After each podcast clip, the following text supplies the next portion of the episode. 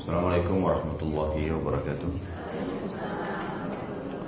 Alhamdulillah Selalu kita memuji Tuhan kita Allah subhanahu wa ta'ala atas segala nikmatnya. Karena memang harapan kita dari pujian ini Atau mengucapkan Alhamdulillah Segala kebutuhan kita terpenuhi Sesuai dengan janji sang pencipta Allah. Dan juga kita panjatkan salam hormat kita salawat dan taslim kepada Nabi besar Muhammad sallallahu alaihi wasallam sebagai bentuk kepatuhan kepada Sang Pencipta Allah yang telah menjadikannya ibadah buat kita. Lanjutkan bahasan bulughul maram dan kita masuk ke bab al-adhahi.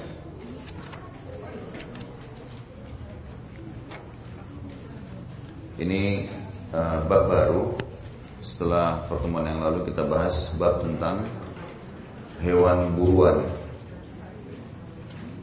Saya akan bacakan hadis pertama dalam bab Al-Adhahi atau bab kurban.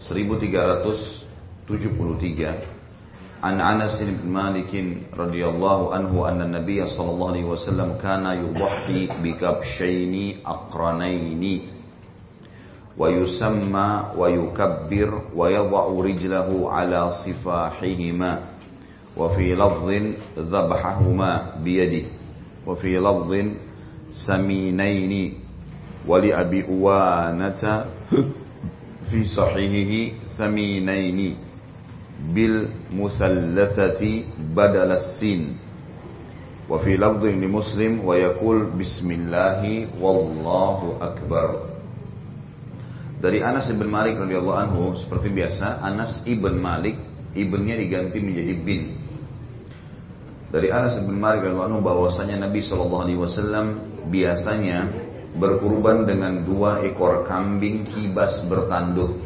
Kalau bahasa kita domba. Berarti yang sudah dewasa karena bertanduk. Beliau menyebut nama Allah dan bertakbir. Dan beliau meletakkan kaki beliau di atas dahi binatang itu. Dalam suatu lafaz beliau menyembelihnya dengan tangan beliau sendiri dalam suatu lafaz yang lain dua ekor kambing yang gemuk. Menurut riwayat eh, Abu Uwanah dalam kitab sahihnya dua ekor kambing yang mahal dengan menggunakan huruf sa pengganti sin. Jadi dalam bahasa Arab kalau uh, gemuk samin pakai sin. Kalau diganti sinnya menjadi sa samin artinya mahal. Di sini dikatakan dengan menggunakan huruf sa yang berarti mahal, samin sebagai pengganti huruf sin, samin. Ya. Dalam suatu lafaz riwayat Muslim, beliau membaca Bismillahi wallahu akbar. Hadis ini memberikan pelajaran kepada kita ibu-ibu sekalian. Yang pertama adalah Nabi Wasallam berkurban dan berkurban adalah ibadah. Puncak ibadah kurban dilakukan pada saat Idul Adha. Karena memang hari raya berkurban. Sampai-sampai kita diharamkan berpuasa pada saat itu dan tiga hari sesudahnya dikenal dengan hari tasyrik karena kita disuruh menikmati hewan kurban itu atau dikenal dengan nama lain hari makan dalam Islam. Juga kurban dilakukan setiap saat kalau seseorang ingin mengundang orang lain dia menyembelihkan hewan dan ini ibadah. Ini adalah ibadah menghidangkan kepada tamu daging, terutama daging kambing adalah ibadah. Karena memang kurban itu menyembelih karena Allah bukan hanya di Idul Adha, tapi bisa dikerjakan setiap saat. Biasanya dilakukan oleh para sahabat dan Nabi Shallallahu Alaihi Wasallam untuk mengundang tamu, mengundang tamu. Juga bisa dikerjakan kalau seseorang itu melakukan pelanggaran di musim haji. Yang biasa dikenal dengan dam. Karena dia melanggar maka dia menyembeli kambing. Juga bisa dilakukan bagi orang yang sedang umroh. Jadi musim haji di ibadah haji juga kalau haji tamattu kita boleh menyembeli. Tapi itu sudah umumnya seperti sama dengan Idul Adha. Tetapi uh, orang umroh yang masih jarang melakukan. Umroh itu ada kurbannya juga. Dikenal dengan hadyu. Jadi di zaman Nabi Shallallahu Alaihi Wasallam itu Kalau seperti beliau pada saat mau umroh, eh, sebelum kesepakatan Hudaybiyah, beliau membawa hewan-hewan dari Madinah yang sudah ditandai lehernya untuk disembeli di musim umroh itu atau di waktu umroh itu. Jadi saya sarankan eh, ibu-ibu sekalian kalau lagi umroh maka uh, lakukan salah satu ibadah ini dengan cara menitipkan uang ke travel atau minta tolong untuk menyembeli dan dibagikan kepada orang-orang susah di sekitar wilayah Mekah. Ya, nah ini juga termasuk ibadah. Makanya kalau mau lebih jelas riwayatnya eh, bisa ibu-ibu sekalian kembali ke kajian saya Sirah Nabawiyah yang membahas tentang masalah kesepakatan Hudaybiyah. Panjang lebar jadi bisa diketik Sirah Nabawi atas nama saya kemudian eh, diketik kesepakatan Hudaybiyah. Itu saya ceritakan panjang lebar riwayat-riwayat sahih tentang masalah adanya haji. Dan itu Allah sebutkan juga dalam Al-Quran hatta yablugal hajju mahillah sampai haji itu sampai pada tempatnya di Mekah untuk disembelih. Itu dikerjakan di musim haji dan di musim umroh. Ya. Jadi ini tentu yang kita bisa ambil pertama bahwasanya Nabi SAW berkurban dan ada beberapa jenis kurban tadi. Di Idul Adha puncaknya, kemudian pada saat orang melanggar di masalah haji ada denda, dam, kemudian adanya e, dikerjakan untuk mengundang orang siapa saja mengundang makan dengan menyembelihkan kambing untuknya dan tentu masuk dalamnya sapi, masuk dalamnya unta intinya menyembelih atas nama Allah dan menghidangkan makan untuk orang lain dan juga masuk di dalamnya tadi haji atau kita menyembeli untuk umroh atau pada saat umroh ya, pada saat umroh ini pelajaran pertama pelajaran yang kedua adanya penyebutan tentang masalah domba. Kapsyaini akranaini dikatakan dalam hadis ini dua ekor domba yang bertanduk. Dan ini ini ini kata sebagian ulama adalah diprioritaskan kalau kita mau menyembeli maka kita jembeli domba dan kambing. Ya, baik itu di Idul Adha, baik itu karena mengundang orang, baik itu karena dam kalau dam ini hukuman karena orang melanggar di musim haji atau di musim umrah, misal memotong kuku, misal mencabut rambut, pada saat sudah niat dan ihram ini memang harus kambing atau domba, nggak bisa hewan lain. Kemudian pada saat umrah boleh, boleh sapi, boleh unta, boleh kambing, gitu ya. Tapi intinya di sini disebutkan secara khusus kalau baginda Nabi SAW fokusnya kepada kambing, ya, kepada kambing. Dan sudah pernah saya sampaikan trik-triknya biasanya membuat kambing itu bau atau tidak enak itu justru karena sembelihannya tidak sesuai dengan syariat. Kalau kita sembelih sesuai dengan syariat Allah, pisaunya tajam, kambingnya nggak dibuat tegang, ya apa namanya kemudian di, kalau lagi makan tidak diganggu, dibaringkan pun sambil dielus, lalu kemudian disembeli seakan-akan dia dalam kondisi tidak mengetahui kejadian itu, dengan sangat cepat dieksekusi, ya, tidak diangkat pisaunya sampai dua urat besar lehernya putus gitu kan.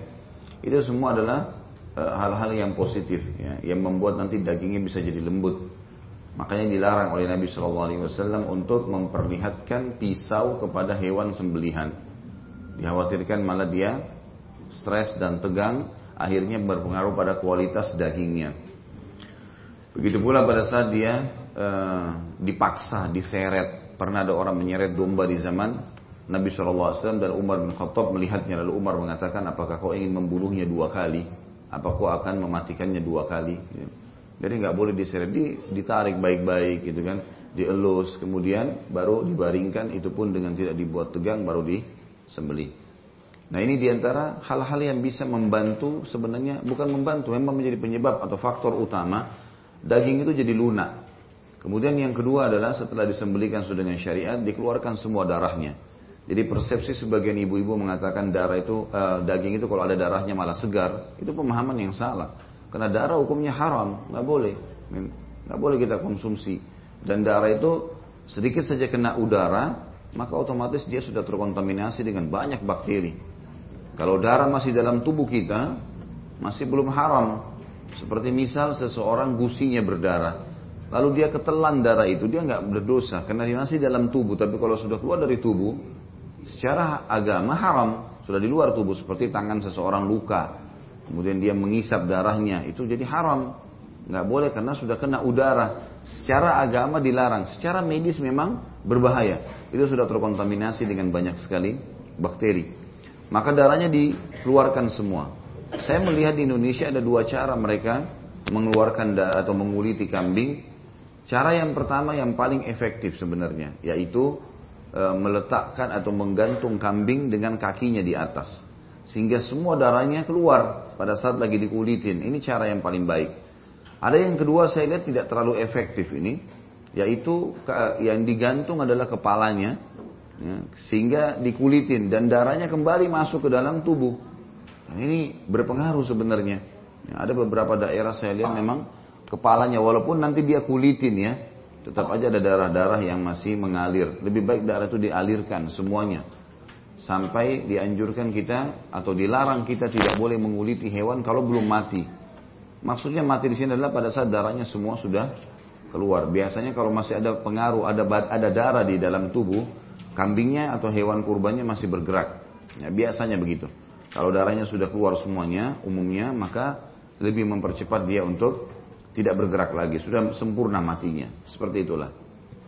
Kemudian juga eh, hal-hal eh, yang membuat kadang-kadang orang persepsi negatif dengan kambing karena masalah bumbu-bumbu, cara masak, ya jadi yang membuat istilah kolesterol, darah tinggi sebenarnya bukan daging kambingnya, tapi garam yang kita pakai, santan yang kita pakai, di bumbu masakan gitu kan. Nah ini yang membuat berpengaruh. Ini daging apa pun akan sama, akan sama sebenarnya kalau kita pakai ini karena di Indonesia kita sudah terbiasa rasanya tidak lengkap kalau tidak digoreng misalnya. Jadi orang-orang Timur Tengah itu heran kalau saya cerita di Indonesia kita itu buat nasi goreng, dia kaget nasi digoreng, kaget dia. Bagi mereka asing tuh kalau nasi digoreng. Kok nasi digoreng? Belum saya bilang, bukan cuma itu. Kita punya pisang goreng. Sekarang ada es krim goreng. Aneh-aneh semua. Tapi pakai gorengan gitu kan. Nah ini minyaknya yang jadi masalah. Jadi bukan dagingnya. Minyak yang berlebihan. Garam yang berlebihan. Santan yang kita pakai. Itu semua yang jadi masalah. Dan kita sedang bicara dagingnya dan bukan jeroannya. Makanya Nabi Shallallahu Alaihi Wasallam sembeli dua domba dan di sini dianjurkan domba yang sudah bertanduk, artinya di atas satu tahun umurnya, di atas satu tahun umur. Jadi untuk akikah, untuk kurban syaratnya harus satu tahun minimal ke atas, satu tahun minimal ke atasnya. Ini pelajaran yang kedua tentang masalah kurban kambing atau domba. Pelajaran yang ketiga yang kita ambil dari sini adalah perlunya seseorang itu fokus kepada kambing yang sempurna atau hewan kurban yang sempurna. Baik itu dia gemuk atau juga dia mahal. Sebagian sahabat mereka enam bulan sebelum Idul Adha sudah beli hewannya, lalu digebukin, digemukin, jadi dipelihara, ya, digemukin, nggak mungkin gebuk. Hmm. gemuk ya. Digemukin ya. Jadi di, dipelihara dikasih makanan yang sehat sampai-sampai domba-domba mereka itu terlihat lebih besar beberapa kali lipat dibandingkan waktu dia beli. Padahal cuma enam bulan dalam proses pemeliharaannya dan itu tujuannya memang khusus untuk uh, apa namanya khusus untuk kurban. Tentu dari sisi sehat eh, dagingnya lebih banyak maka lebih banyak pahalanya. Dan juga dari sisi harga yang mahal maka sodokahnya meningkat. Ya. oleh karena itu memang wajar kalau seseorang mengeluarkan. Kalau dia mampu dia keluarkan lebih mahal bagus sekali gitu kan.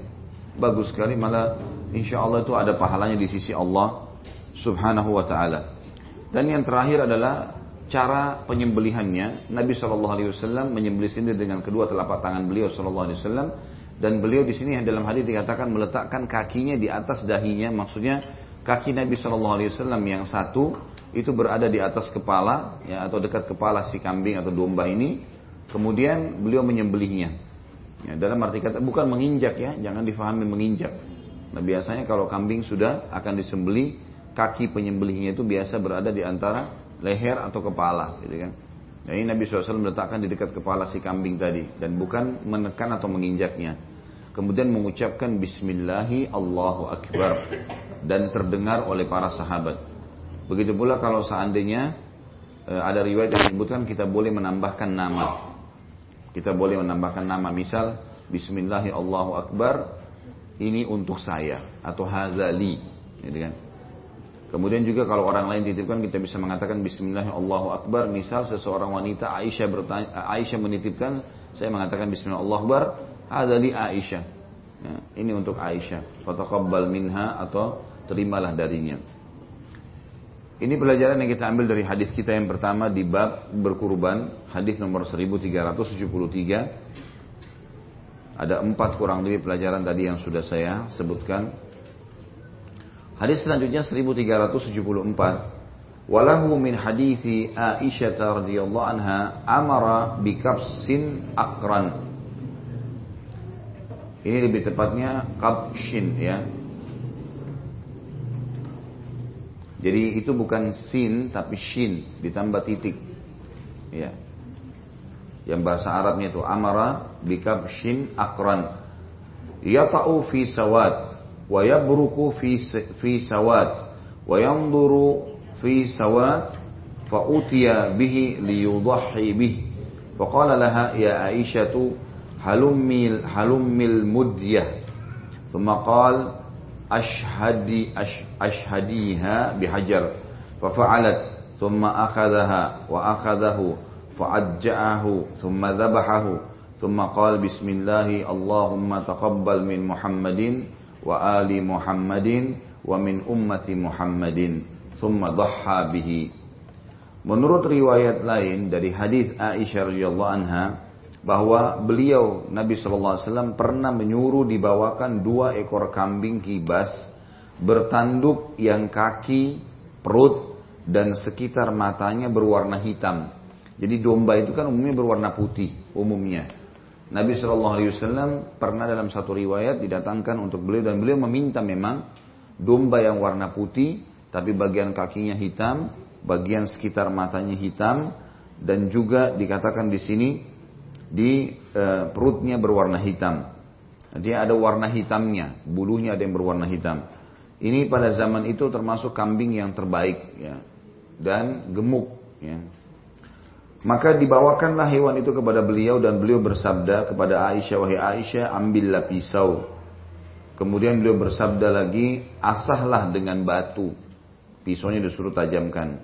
Aisyah pun melaksanakan radhiyallahu anha setelah itu beliau mengambil pisau dan kambing lalu membaringkannya dan menyembelihnya seraya berdoa dengan nama Allah, Ya Allah atau Bismillah, Allahumma terimalah kurban ini dari Muhammad, taqabbal min Muhammad wa ali Muhammad dan keluarganya Muhammad wa ummati Muhammad dan umatnya Muhammad.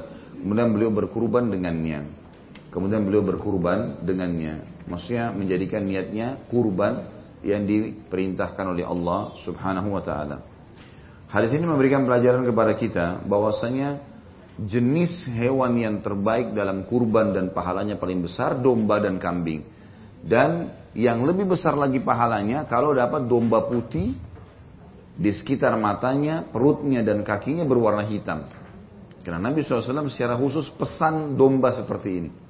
Entah Allah alam apa hikmahnya, tapi yang jelas ini kata ulama disepakati adalah hewan kurban yang paling besar pahalanya. Karena Nabi SAW pesan secara khusus minta domba warna putih, bagian sekitar wajahnya, matanya, perutnya dan kakinya berwarna hitam. Berarti ini adalah hewan yang paling afdal. Hewan yang paling afdal. Itu pelajaran pertama. Pelajaran yang kedua adalah Nabi SAW menyuruh Aisyah mengasah pisau dan dari hadis ini kelihatan zahirnya Aisyah pun hadir di situ. Aisyah pun hadir menyaksikan sembelihan. Karena menyaksikan sembelihan adalah bagian daripada menyaksikan syiar agama Allah. Jadi kalau memang ibu bisa menyaksikannya maka sesuatu yang positif. Tinggal pertanyaan, bolehkah seorang wanita menyembeli juga kambing atau hewan-hewan? Maka jawabannya boleh. Enggak ada masalah. Asal dia memang mahir dalam masalah itu. Nah banyak juga kita lihat di ibu-ibu misalnya di kampung-kampung banyak yang sembeli ayam sendiri, ya, kambing dan seterusnya ini adalah hal yang tidak ada masalah dalam Islam. Yang penting dia mengikuti adab-adabnya. Dan di sini hadis menjelaskan kalau Aisyah hadir menyaksikan Nabi Shallallahu Alaihi Wasallam menyembelihnya karena Nabi yang suruh Aisyah mengasah pisau. Aisyah yang mengasahnya di sini dan diasahnya dengan batu. Kemudian pelajaran yang lain yang ketiga uh, ibu-ibu sekalian adalah bagaimana Nabi Shallallahu Alaihi Wasallam melakukan prosesi atau eksekusi daripada sembelian tadi. Beliau membaringkan di sini dikatakan, lalu beliau menyembelihnya dan membaca doa. Dan doa ini yang diangkat oleh sebagian ulama menandakan satu ekor kambing cukup untuk satu keluarga. Kecuali kalau orang itu punya kemampuan, dia boleh menyembelih dia sendiri, istrinya juga sendiri, anaknya juga sendiri. Kalau mereka punya kemampuan masing-masing. Tapi kalau tidak, satu ekor kambing boleh mewakili seluruh keluarga. Bahkan Nabi Shallallahu Alaihi Wasallam dalam doanya di sini, ya Allah terimalah dua ekor domba waktu itu ya, Dua-duanya disembelih sambil beliau mengatakan, Ya Allah terimalah dari Muhammad, keluarganya Muhammad dan umat Muhammad. Riwayat lain, umat Muhammad yang belum sempat menyembelih.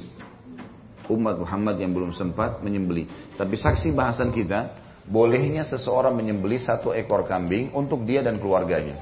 Jadi orang boleh mengucapkan untuk dia dan keluarganya. Dan ini sunnah. Pada saat menyembelih mengatakan Bismillahi Allahu Akbar dengan nama Allah, Allah Maha Besar. Lalu kita mengatakan takabbal misal kalau saya takabbal Khalid misalnya.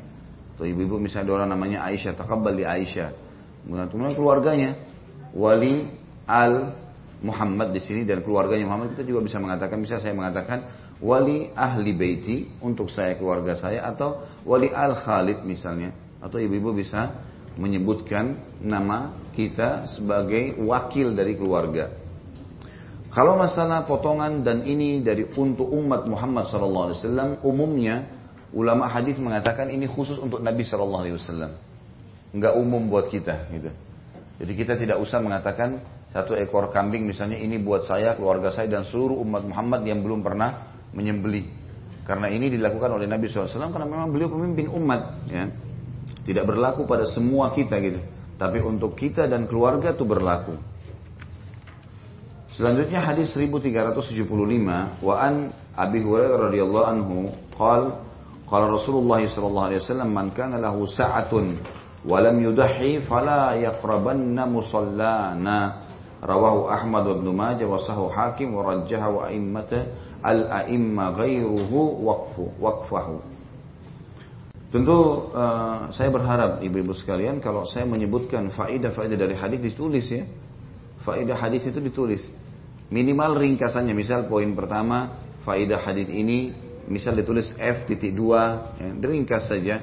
Kayak tadi misalnya adanya perintah untuk ini, adanya uh, manfaat, uh, adanya perintah untuk ini. Dan misal kayak tadi contoh kita mengambil hadis pertama paling tidak empat atau lima faidah. Walaupun ibu-ibu mungkin pada saat mendengar oh iya ya, oh iya ya, tapi belum tentu teringat pada saat kita membaca hadis ini sendiri gitu ya. Jadi sayang, faidah-faidah itu dicatat walaupun cuma Poin-poin dasar saja. Oh ada faidah tentang ini, ada faidah tentang ini. Kayak tadi hadis sebelumnya ini kan kita juga sebutkan paling tidak tiga faidahnya kan. Jadi faidah pertama tentang masalah afdaliyahnya domba yang putih dan ada titik hitamnya. Kemudian yang kedua adanya eh, partisipasinya atau bolehnya wanita berpartisipasi dalam menyembeli. Ini terbukti Aisyah hadir pada saat itu ya. Kemudian tata cara penyembelihan yang ketiga dengan menyebut ini untukku, keluargaku, ya, itu dibolehkan di dalam Islam. Ini contoh, jadi garis besarnya. Ya. Sayang ini sudah 1300 sekian hadis. Itu kalau setiap hadis kita keluarkan 3-4 faidah, ibu-ibu sekalian, berapa ribu kita dapatkan faidahnya. Karena memang faidah ilmunya yang penting, ya itu. Apa yang kita bisa aplikasikan dalam kehidupan kita. Baik hadis 1375 Tadi sudah saya bacakan bahasa Arabnya sekarang terjemahannya. Dari Abu Hurairah radhiyallahu anhu bahwa Rasulullah SAW bersabda, barang siapa yang mempunyai kemudahan untuk berkurban, ada kelapangan rezekinya, namun ia belum berkurban, sengaja nggak mau ikut berkurban, maka janganlah sekali-kali ia mendekati tempat sholat kami. Riwayat Ahmad dan Ibnu Majah hadis sahih menurut hakim, hadis mauquf menurut para imam hadis lainnya. Hadis ini memberikan pelajaran kita yang pertama, ibu sekalian, pelajarannya adalah berdosanya seseorang yang punya kemampuan dan tidak berkurban. Ini pelajaran. Karena Nabi SAW larang ikut sholat di masjid bagi yang punya kemampuan dan tidak kurban. Yang kedua, larangan untuk ikut sholat di sini, jangan dekati musolah kami, jangan dekati masjid kami, itu berlaku berlaku pada hari itu, pada hari Idul Adha itu, atau hari Tashrik. Jadi bukan berlaku sepanjang tahun atau seumur hidup. Khusus bagi yang tidak berkurban, pada hari itu nggak ikut berjamaah kami sholat. Kalau dia punya kemampuan. Artinya pahala untuk sholat di masjid hilang bagi dia. Bahkan sebagian ulama mengatakan sangat tegas, nggak boleh. Bisa masuk dalam haram orang ini kalau dia tetap ngotot untuk melanggar sunnah Nabi Shallallahu Alaihi Wasallam, tidak berkurban lalu ikut sholat berjamaah. Padahal sebenarnya sholat berjamaah fadilahnya besar sekali. Fadilahnya besar. Dan sholat wajib kita tahu sholat berjamaah itu. Tapi Nabi SAW melarang mereka ikut karena tidak melakukan kurban di hari-hari kurban itu ya. Kita sedang bicara di hari kurban dan ini hanya berlaku pada saat itu tidak berlaku sepanjang umur atau sepanjang tahun.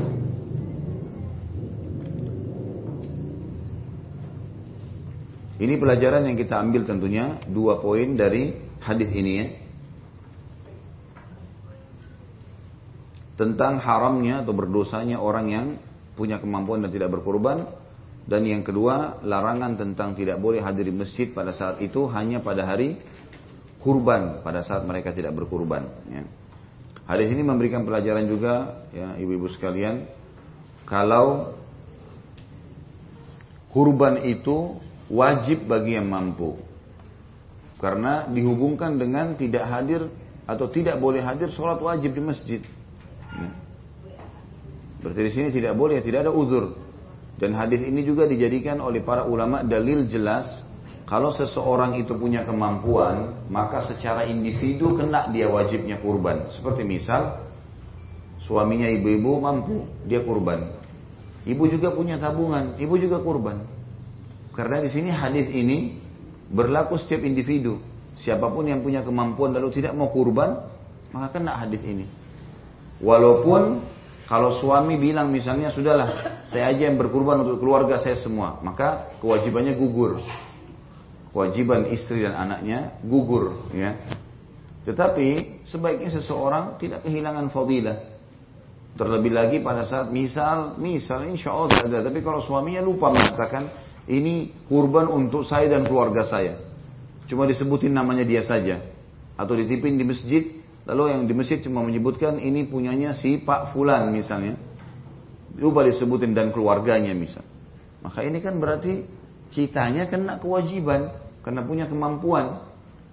Maka lebih baiknya kita berkurban masing-masing dengan cara mengeluarkan sodaka dan sudah kita sebutkan di hadis pertama tadi yang gemuk, yang mahal itu semua ada nilainya di sisi Allah Subhanahu wa taala. Allah akan menilai sesuai dengan kadar juhud atau upaya seseorang beribadah kepadanya.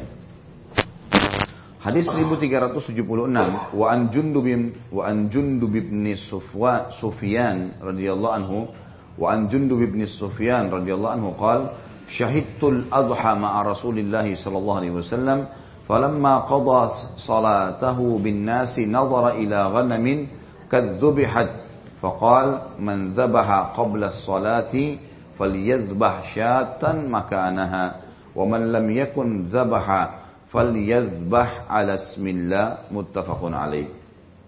Jundub bin Sofyan radhiyallahu anhu menyampaikan dan ibnu seperti biasa diganti jadi ibn jadi bin. Aku pernah mengalami atau menghadiri hari raya Adha bersama Rasulullah sallallahu alaihi wasallam setelah beliau selesai sholat, sholat id maksudnya, bersama orang-orang, beliau sempat melihat ada seekor kambing yang sudah disembelih. Sebelum sholat selesai, jadi ternyata baru selesai salam, kemudian ternyata sudah ada dilihat oleh Nabi SAW dari kejauhan, sudah ada kambing yang disembelih sebelumnya, sebelum sholat. Maka beliau bersabda, barang siapa yang menyembelih sebelum sholat, hendaknya ia mengganti dia menyembeli seekor kambing lagi sebagai gantinya. Dan barang siapa yang belum menyembeli sampai sekarang sholat sudah selesai, hendaklah ia menyembeli dengan nama Allah. Menyebut Bismillahi Allahu Akbar. Hadis ini memberikan pelajaran kepada kita tentang ibadah Idul Adha, eh, kurban di Idul Adha itu diterima oleh Allah sebagai adha yang merupakan puncak ibadah kurban kalau dikerjakan setelah sholat. Setelah sholat. Misal contoh ada ibu-ibu tidak ikut sholat id. Tentu sholat id ini hukumnya diperintahkan sekali ya. Sebagian besar ulama mengatakan sunnah muakkad, tapi ada di antara ulama yang mengatakan wajib. Sholat idul adha dan idul fitri. Karena Nabi SAW menyuruh seluruh masyarakat Madinah keluar di sholat idul fitri, laki-laki, perempuan, orang tua, anak-anak, bahkan mereka yang berhalangan pun, yang lagi haid, lagi nifas, tetap disuruh keluar oleh Nabi SAW. Minimal mendengarkan khutbahnya. Ini menandakan memang ada unsur wajibnya, gitu kan, di situ. Ini khilaf antara ulama masalah itu.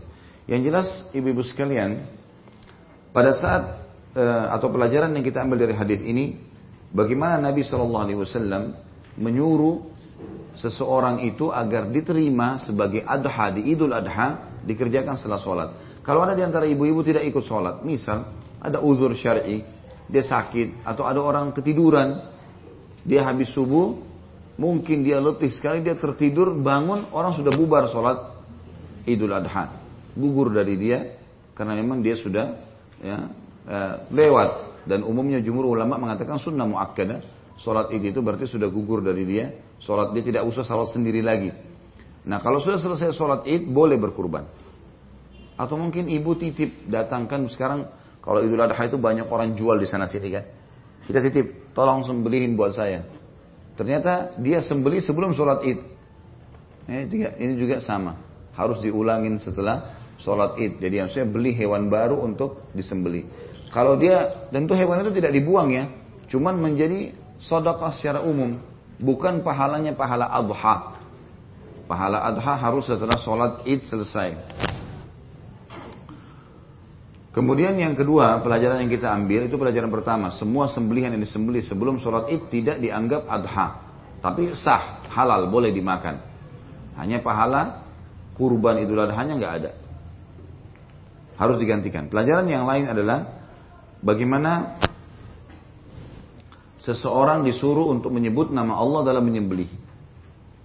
Disuruh menyebut nama Allah dalam menyembelih. Jadi bisa orang mengatakan Bismillah saja, bisa Bismillahi Allahu Akbar. Gitu. Ya. Ini semua boleh dibaca.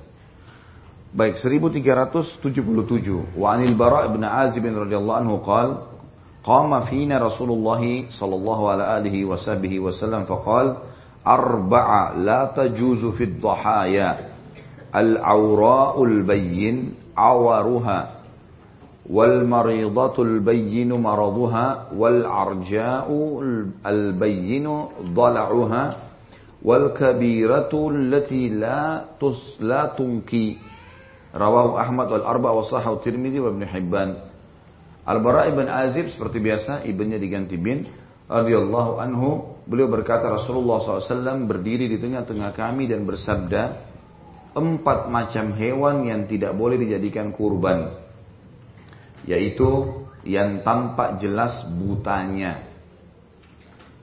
Tampak jelas sakitnya. Tampak jelas pincangnya. Dan hewan tua yang tidak bersumsum. Riwayat Ahmad dan Imam Empat. Dan hadis ini sahih menurut Tirmidzi dan Ibnu Hibban. Di situ ada putusan nomor satu tentunya. Dijelaskan di bawah la tungki makna daripada kalimat la tungki hadis terakhir atau potongan bahasa Arab hadis di atas kan adalah tungki itu berarti binatang yang bersangkutan sudah tidak memiliki sumsum -sum lagi karena tuanya. Nah, biasanya kan yang membuat tulang itu tidak kuat karena sumsumnya sudah tidak ada. Ya. Baik, hadis ini menjelaskan kepada kita Hewan yang disembeli manfaat pertama adalah harus sempurna. Harus sempurna. Umurnya kalau kambing satu tahun, kalau unta sama sapi dua tahun. Ada sebagian mengatakan kalau unta, eh, kalau unta eh, kalau kambing satu tahun, kalau domba bisa enam bulan, kalau sapi dua tahun, kalau unta lima tahun. Dan ini pendapat kedua yang lebih kuat ya. Kambing satu tahun, kalau domba bisa enam bulan, karena biasanya domba lebih besar. Kalau sapi dua tahun, kalau unta lima tahun.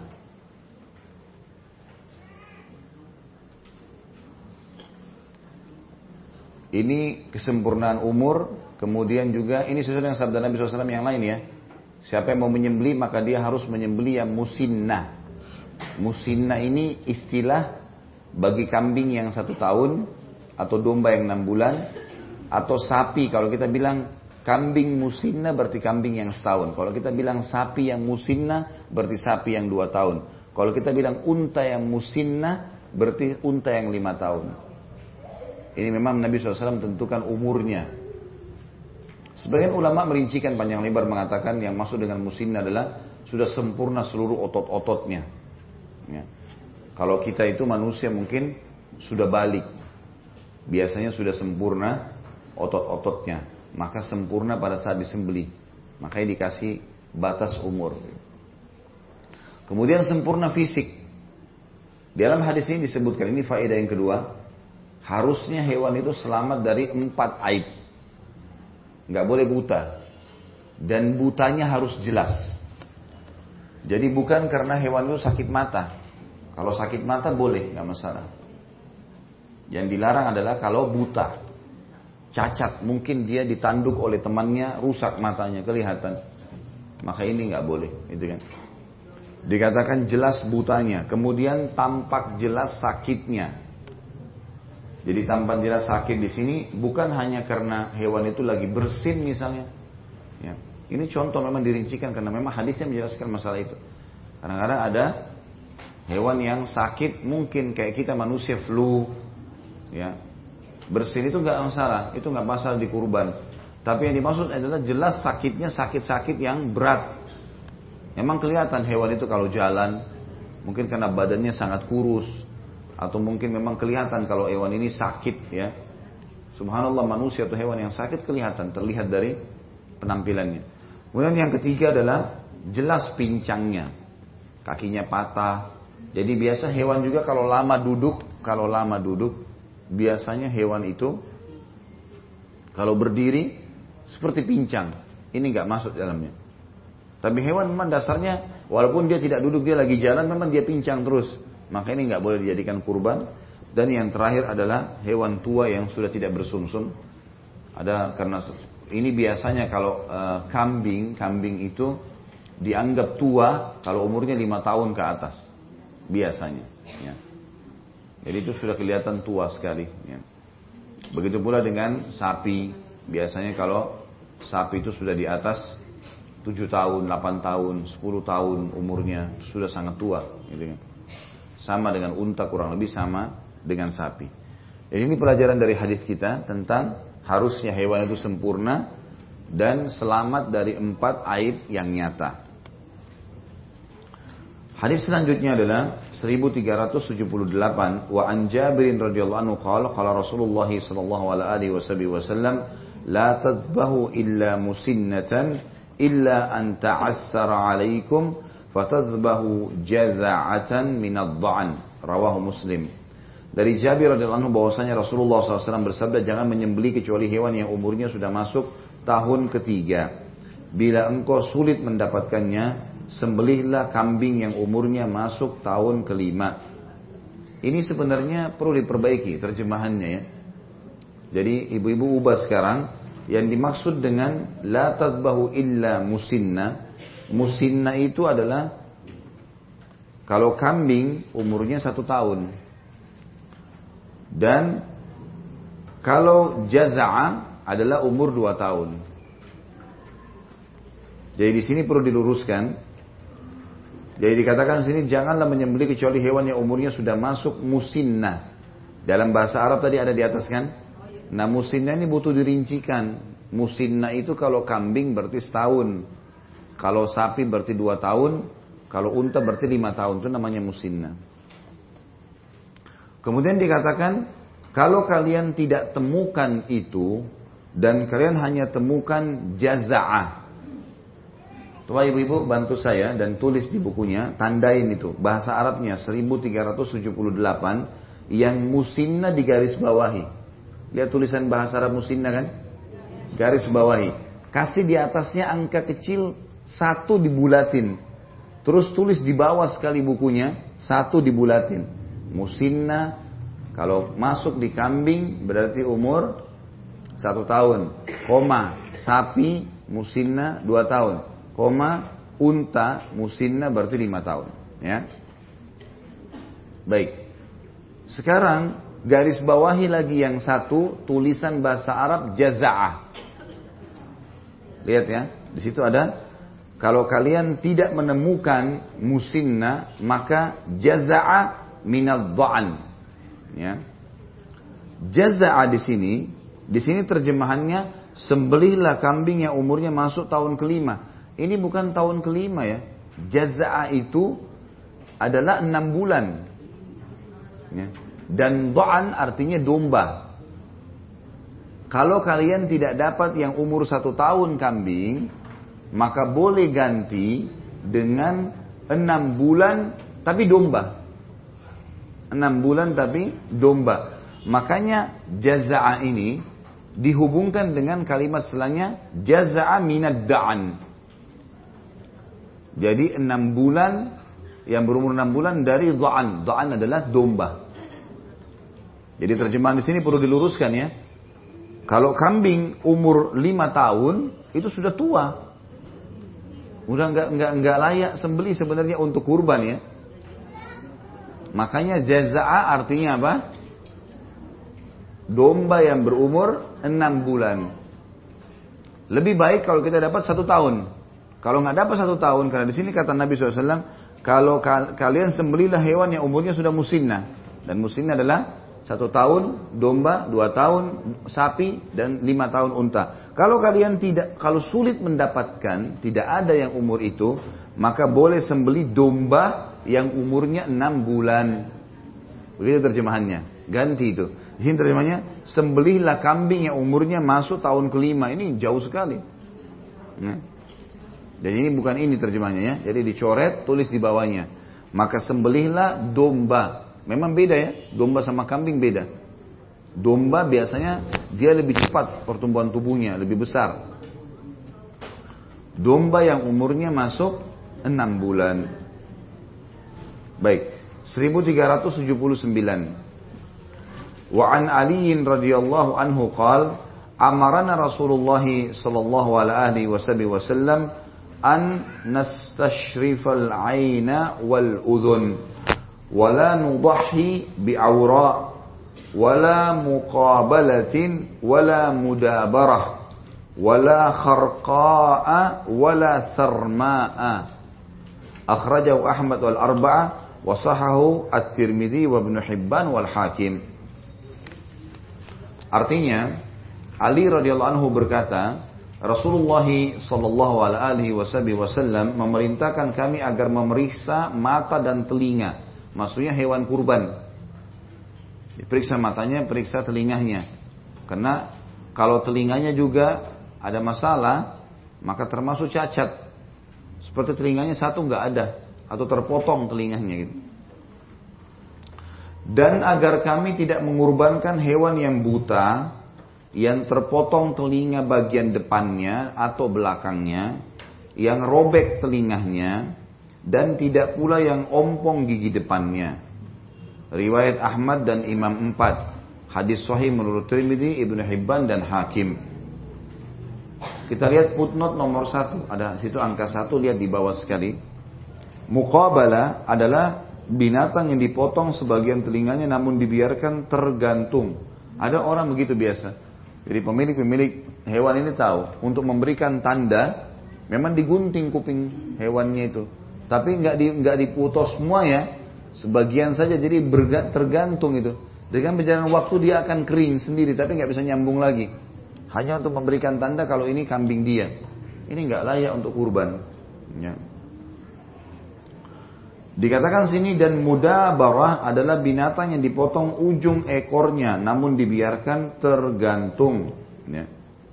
Jadi di sini terjemahan yang dikatakan dan yang robek telinganya ini sebenarnya kalau kita lihat dari footnote di bawah mudabarah ya. Di situ ada kata-kata mudabarah ya. Di situ dilarang, dilarang wala nudahi bi aura, tidak boleh kita sembelih hewan yang buta, wala muqabalah ya, dan muqabalah itu adalah di sini diterjemahkan dan agar kita tidak berkurban dengan hewan yang terpotong telinga bagian depannya dan belakangnya dan juga wala mudabarah ya Mudabara terjemahan lebih tepatnya yang ada di footnote. Ya. Yang dikatakan di situ mudabara adalah binatang yang dipotong ujung ekornya namun dibiarkan tergantung. Jadi terjemahan di atas yang ditulis yang robek telinganya itu diganti. Lihat nggak? Nah, terjemahan di hadis 1379 yang ditulis yang robek telinganya ini Udah nggak ada lagi terjemahan ini karena sudah ada kalimat sebelumnya muqabalah artinya domba atau hewan yang robek telinganya. Baik bagian depan atau belakang. Maksudnya dari depan kelihatan atau dari belakangnya kelihatan memang dia sobek gitu. Dan mudabara artinya yang ekornya dipotong. Ekornya dipotong. Berarti ekornya harus utuh gitu kan. Di sini ada beda sedikit antara domba sama kambing ya. Kalau kalau domba itu kalau dia gemuk, itu sampai ekornya juga berisi. Kalau kambing biasanya ekornya hanya biasa saja, walaupun hewannya gemuk. Ya. Jadi terjemahan yang ditulis yang robek telinganya diganti yang terputus atau sobek ekornya. Dikatakan di sini karqa ya. Atau harqa sebenarnya. Harqa ya. Harqa di sini di, di dalam uh, terjemahan di footnote adalah binatang yang sobek kedua daun telinganya. Ya. ini diterjemahkan dan harqa bedanya harqa dengan muqabalah. Muqabalah berarti cacat telinganya dari depan atau dari belakang. Kalau harqa yang tadi saya bilang sengaja digunting atau dipotong telinganya untuk memberikan isyarat kalau ini punya seseorang. Kemudian yang terakhir adalah sarma dan sarma dibaca juga sarma adalah binatang yang rontok salah satu gigi depannya. Ya, salah satu gigi depannya. Hadis ini memberikan pelajaran kepada kita, ibu-ibu sekalian, bagaimana sempurnanya Islam sampai sesuatu yang dikorbankan untuk Allah juga harus sempurna. Jadi mungkin ada orang menganggap remeh, kenapa sih dibahas masalah kuping yang terpotong, masalah ekor yang terpotong, masalah gigi yang ompong. Ini bukan karena masalah, bukan karena masalah rewel, bukan. Memang diberikan kepada Allah yang terbaik. Walaupun Allah subhanahu wa ta'ala tidak butuh dengan darah dan dagingnya. Tapi Allah melihat kadar keikhlasan kita. Bagaimana kita memberikan yang terbaik gitu kan. Makanya sangat tepat kalau kita memang jeli dalam memilih kambing ya dan domba ini. Saya biasa kalau yang menerima amanah dari Bapak Ibu sekalian, biasanya kalau Idul Adha itu memang saya sendiri yang turun untuk memilihnya. Lihat langsung karena amanahnya. Mana ini, mana ini, mana ini, harganya, eh, kualitasnya, baru kemudian kita kirim fotonya karena memang harus diperhatikan masalah kualitas itu. Kemudian yang dua hadis yang terakhir 1380 dan 1381 berbunyi wa an Ali radhiyallahu anhu Ali bin Abi Thalib radhiyallahu anhu qal amarani Rasulullah sallallahu alaihi wasallam an aquma ala budni wa an akas wa an akassama atau ini ukassima lebih tepat ya ukassima luhumaha. Jadi diganti itu ukassima luhumaha wa jilalaha alal masakin. Wala u'ti fi hazaratiha syai'an minha. Muttafaqun alaih. Ali bin Abi Thalib radhiyallahu anhu dan Ibn sama diganti bin di situ berkata Rasulullah SAW memerintahkan kepadaku untuk mengurusi kurban-kurbannya membagi-bagikan daging kulit dan pakaiannya kepada orang-orang miskin. Dan aku tidak diperbolehkan memberi suatu apa pun dari kurban kepada penyembelihnya. Muttafaqun alaih. Hadis ini dimaksud dan pelajaran yang kita ambil adalah ibu-ibu sekalian, Nabi Shallallahu Alaihi Wasallam memerintahkan agar semua yang berhubungan dengan hewan kurban dijadikan bagian dari kurban, dijadikan bagian dari kurban. Masuk dalamnya adalah dagingnya, kulitnya, ya, dan semua yang berhubungan dengan masalah e, bulunya kalau domba, kemudian e, lemaknya, jeroannya, semuanya, semuanya, kakinya, kepalanya, itu bagian dari kurban. Yang berarti kalau orang berkurban, dia nggak boleh kurangin itu, seperti banyak sebagian orang lakukan. Misal dia berkurban sapi atau dia berkurban kambing, Kemudian kulitnya diambil sama dia. Kulitnya diambil lalu dijual kulitnya. Dia yang jual si pengurban. Ini nggak boleh. Ini nggak boleh sama sekali, gitu kan? Karena dia mengurangi bagian dari hewan kurbannya. Kalau kulitnya itu dibagikan kepada orang-orang, maka berarti bagian daripada adha atau kurban yang dibagikan. Karena kulitnya, bulunya, semuanya masuk dari bagian hewan kurban itu. Jadi nggak boleh diambil sebagiannya, kemudian ditransaksikan atau dijualkan. Tentu pemilik kurban boleh menikmati bagian daripada daging kurban itu. Karena Nabi SAW memakan sebagian dari daging kurbannya. Dan juga banyak hadis yang menyebutkan bolehnya seseorang memakan sebagian darinya. Seperti Nabi SAW berkata kepada beberapa sahabat, sembelihlah, lalu bagikanlah kepada fakir miskin, dan ambillah sebagian darinya ambillah sebagian darinya. Ini pelajaran pertama dulu dari hadis kalau semua hewan kurban itu bagian dari kurban sendiri. Baik itu bulunya, kulitnya, kepalanya, kakinya, segala macam ini semuanya. Kalau kita sudah bagikan ke orang, maka berarti itu sudah melakukan kesempurnaan kurban. Yang tidak boleh kalau kita pemilik menjual. Misal tidak ada orang di wilayah saya yang makan kepala kambing. Gitu kan? Lalu kemudian saya titipkan kepada orang pengumpul yang akan jual di kota lain. Baru jadi nilai, ada nilai. Tadinya kambing saya atau domba saya sembeli dengan 2 juta setengah misalnya atau 3 juta rupiah. Karena kepalanya dijual kembali maka laku misalnya 50 ribu. Misal. Lalu diambil oleh pengurbannya. Ini nggak boleh. Karena dia seperti mengurangi nilai kurbannya dia sendiri. Nggak boleh. Kalau dia ambil kepalanya untuk dia makan, mungkin dia makan, dia ini dia masak, itu nggak masalah. Ini maksudnya adalah kalau dia menjualnya kemudian mengurangi kadar yang tadinya dia kurban 3 juta itu. Itu yang dimaksud. Kemudian yang pelajaran yang kedua di sini, Nabi SAW menyuruh membagi-bagi semuanya. Boleh dagingnya saja, boleh kulitnya, ya, boleh semua yang berhubungan dengan jeroan-jeroannya, ya,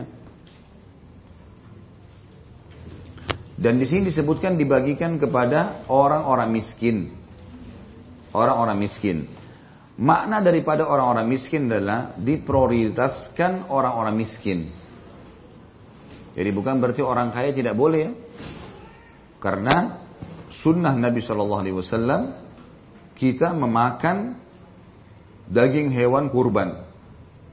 Baik kita mampu atau tidak mampu.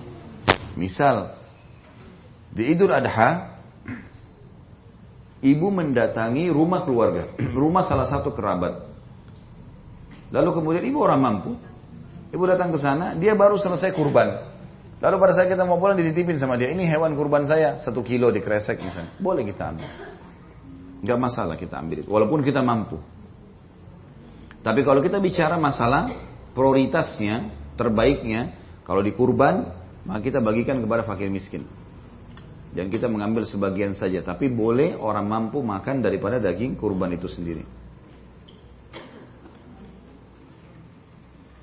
Hadis yang terakhir.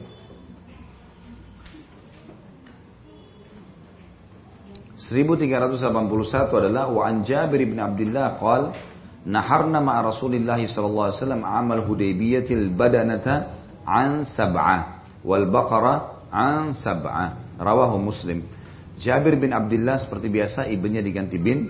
Radhiyallahu anhu berkata, kami pernah menyembeli bersama Rasulullah SAW pada tahun Hudaybiyah Dan tahun Hudaybiyah sudah saya bilang ini Hudaybiyah sebuah wilayah ya.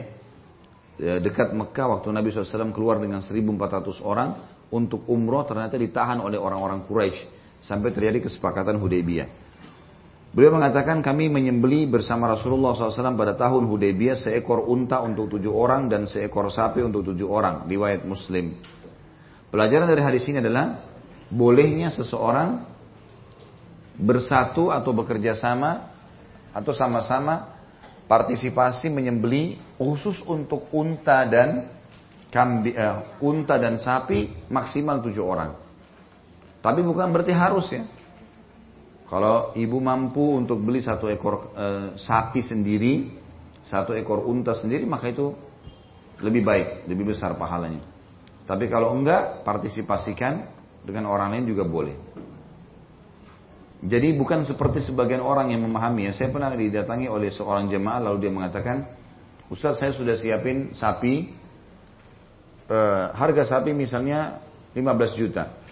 Saya udah saya i, ya, suami saya, istri saya, ya mereka saya itu hari lupa ya, ibu atau bapak yang tanya, tapi dia bilang saya pasangan saya lah, kemudian anak-anak anak saya sudah saya bertiga. Dan ini sudah siap satu ekor sapi. Saya mau cari empat nama lain untuk supaya genap tujuh, tujuh orang gitu. Saya bilang untuk apa ibu cari? Untuk apa bapak cari ini? Untuk apa cari lagi supaya genap tujuh? Enggak, saya bilang nggak harus tujuh. Kalau emang suami istri anak sudah cukup dan mampu satu ekor nilainya 15 juta satu ekor sapi, ya mereka aja bertiga. Untuk apa dibagi pahalanya ke orang lain? Kalau kita sudah bisa dapat pahalanya. Satu ekor sendiri, satu ekor sendiri. Nggak masalah. Tapi kalau tidak mampu, baru kemudian kita partisipasikan maksimal tujuh orang. Dan yang bisa tujuh orang hanya sapi dan unta. Baik, ini bahasan kita berhubungan dengan masalah kurban. Ada yang mau bertanya sampai sini? Ya, yang pegang mic mana? Yang pegang mic dulu. Silakan. boleh sekali lagi tadi yang jelasin yang untuk uh, sapi itu tujuh orang kalau kurang dari tujuh orang itu hanya untuk anaknya satu itu boleh bertiga ya? Boleh. Jadi satu sapi lebih baik kalau satu orang malah. Jadi misalnya ibu mampu beli sapi 15 juta uang ibu sendiri. Saya mau satu ekor sapi saya sendirian ya sudah ibu sendirian aja. Nggak usah di, nggak usah ditambah nama. Kalau dua orang ya dua orang, tiga orang tiga orang, maksimal tujuh orang. Tapi bukan harus tujuh orang, maksimal tujuh orang. Gitu kan. Kalau yang uh, sapi kurban itu, umpamanya kan kalau istrinya punya tabungan, kemudian suami bilang nggak usah kita aja sekalian pakai uang suami, itu gimana Ustaz? Nggak masalah, boleh saja, gitu kan. Tapi saya sudah bilang tadi, tetap afdaliyah. Kalau misalnya suami ibu mau e, berkurban dengan sapi, lalu dia bilang, udah kita partisipasinya sama-sama. Itu nggak masalah, sudah gugur kewajibannya ibu. Tapi kalau kita mau bicara afdaliyahnya, masing-masing kurban. Karena itu ibadah. Masing-masing berkurban. Yang saya sudah jelaskan itu. Kalau anak ibu juga punya tabungan sendiri, juga biar dia berkurban. Gitu lah. Seperti itu. Ya. Miknya dikasih mungkin bu. Siapa yang mau bertanya?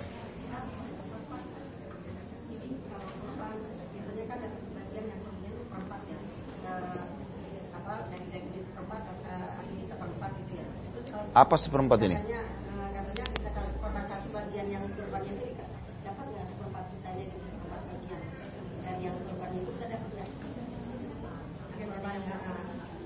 Pertanyaan sebentar, satu-satu dulu Bu. Bolehkah kita mengambil bagian dari daging kurban seperempat gitu ya?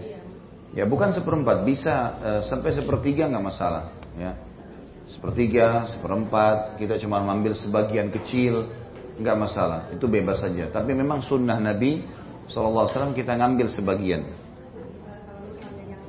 Pakai mic bu, biar yang lain dengar.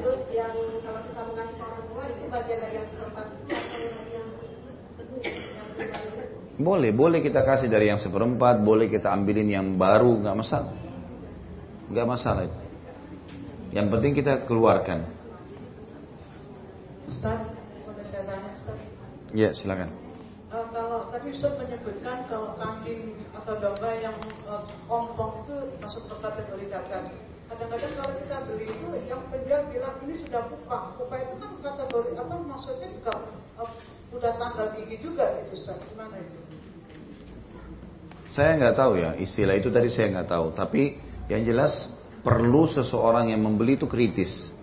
Tadi Ali bin Abi Thalib disuruh mengecek mata, kuping. Dan karena ada larangan menyembelih hewan kurban yang ompong, memang dia ditanya, ini hewannya ompong atau tidak gitu. Kalau ompong jangan diambil gitu. Memang sempurna. Kita harus kritis masalah itu. Ada lagi? Biar sebelah kiri dulu ya. Silakan, mic-nya nanti harus dipindahin. Silakan.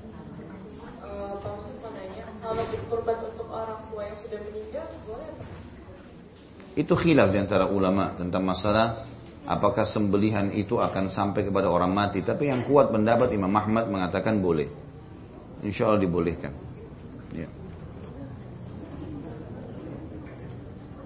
Eh, Pak Ustaz, eh, misalkan eh, berkorban itu tahun ini untuk anak eh, tapi nggak atas nama suami Saya nggak paham. Coba diulangi.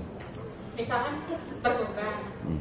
tapi yang berkorban itu atas nama anak jadi tidak ada nama bapaknya gitu. Yang berkurban siapa? Ibu atau anak? saya ibu misalkan tapi di nama ini anak aja Ibu sendiri sudah berkurban belum? sudah Lah iya, nggak apa-apa. Jadi boleh seseorang muslim menyumbang untuk orang lain supaya berkurban atas nama dia, boleh. Tapi syaratnya dia dulu kurban. Misal kita punya dua ekor domba, satu domba buat saya, satu domba buat anak saya, nggak masalah, nggak masalah itu. nanti nggak eh, nama suami juga nggak apa kalau dia nggak berkorban atau memang harus nama suami dulu? Enggak, enggak, enggak harus, tidak harus. Kecuali dalam kondisi memang suaminya tidak mampu ya, kan kita bilang tadi kalau ada keluarga yang tidak mampu, kemudian si istri menyembeli karena dia orang mampu, dia masukkan nama suaminya, nama anaknya, enggak ada masalah di hewan kurban itu.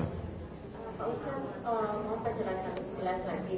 Itu artinya misalnya dalam satu tahun, eh, apakah suami artinya gini, suami harus berkurban baru boleh anaknya, atau tahun ini suami besok anaknya gitu. Enggak, enggak. Yang yang wajib berkurban yang punya kemampuan. Enggak usah dibagi-bagi begitu. Untuk apa tahun ini suami, besok tahun depan istri, tahun depan anak enggak. Kalau mampu masing-masing tahun itu sama-sama. Jangan dibagi-bagi. Kalau tidak mampu, satu ekor digabungin semua. Begitu aja. Jadi jangan ditunda karena kita tidak tahu tahun depan masih hidup atau tidak gitu.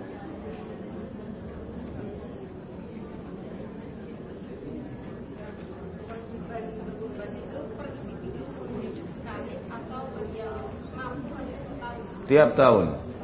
Kewajiban berkurban pertanyaannya ibu ini, apakah hanya sekali seumur hidup atau setiap tahun? Setiap tahun. Selama mampu setiap tahun.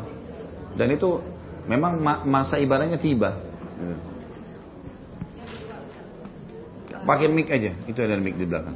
Biar yang lain di belakang bisa dengar. Belum nyala bu. Anak saya meninggal dua tahun Ustaz. Hmm. Nah sekarang ini ya, saya kurban ini itu sudah punya kewajiban sebetulnya umur dua tahun itu sudah. Nah kewajiban itu bagaimana sebetulnya? Nggak ada. Kalau belum balik nggak ada kewajiban. Kalau belum balik nggak ada. Ah, Orang dalam Islam kalau meninggal sebelum balik sudah jelas masuk surga. Nggak ada taklif, nggak ada beban. Bahkan dia menjadi pemberi syafaat buat orang tuanya. Dan dalam masalah ibadah, kalau kita bisa kerjakan sendiri, kita sendiri. Gitu kan? Kalau misalnya ibu bisa berkurban sendiri, ibu sendiri kurban supaya pahalanya maksimal. Jangan dipartisipasikan dengan orang lain. Kecuali darurat kayak tadi saya bilang, seorang suami nggak punya kemampuan kecuali satu ekor domba, maka dia juga ingin ikutkan istri sama anaknya itu nggak masalah. Tapi kalau ibu punya kemampuan, suami juga punya kemampuan, ya masing-masing jalan. Dan khusus untuk anak yang sudah meninggal atau orang meninggal sebelum balik itu nggak ada nggak ada lagi urusannya dia dengan amal soleh itu cukup. Dia tidak berbuat pun tetap masuk surga. Nah. Pahalanya buat anak nggak nggak nggak perlu itu, nggak ada. Ibu dapat pahala. Ya. Ada lagi? Mic-nya dikasih dulu. Sebentar ya, nanti kita pindah ke sini supaya mic-nya nggak terlalu ke sana sini gitu. Diselesaikan dulu.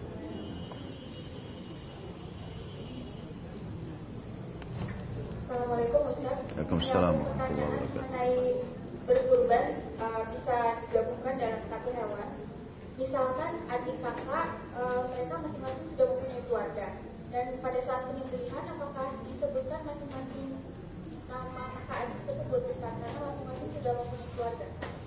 Dia gabung apa ini? Hewan apa dulu? Misalnya sapi, Iya, disebut masing-masing. ya? Iya, masing-masing. Kecuali kalau misal dia titip pesan, misalnya seseorang bernama Hasan, si kakak, Husain, si adik. Lalu mereka partisipasi di satu ekor sapi.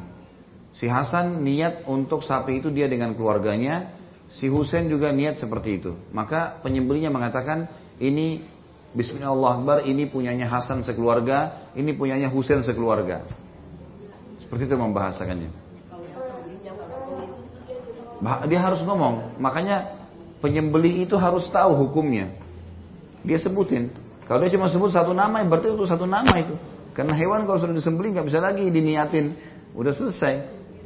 Makanya dari awal itu, dari awal dibahasakan. Penyembelihnya. Penyembelihnya kena mengeksekusi.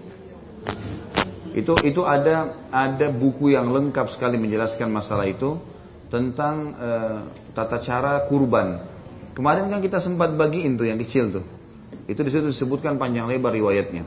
Dari memang orang yang menyembelih yang mengeksekusi yang menyebutkan nama itu. Itu yang ada dalam hadis. Silakan. Mana lagi?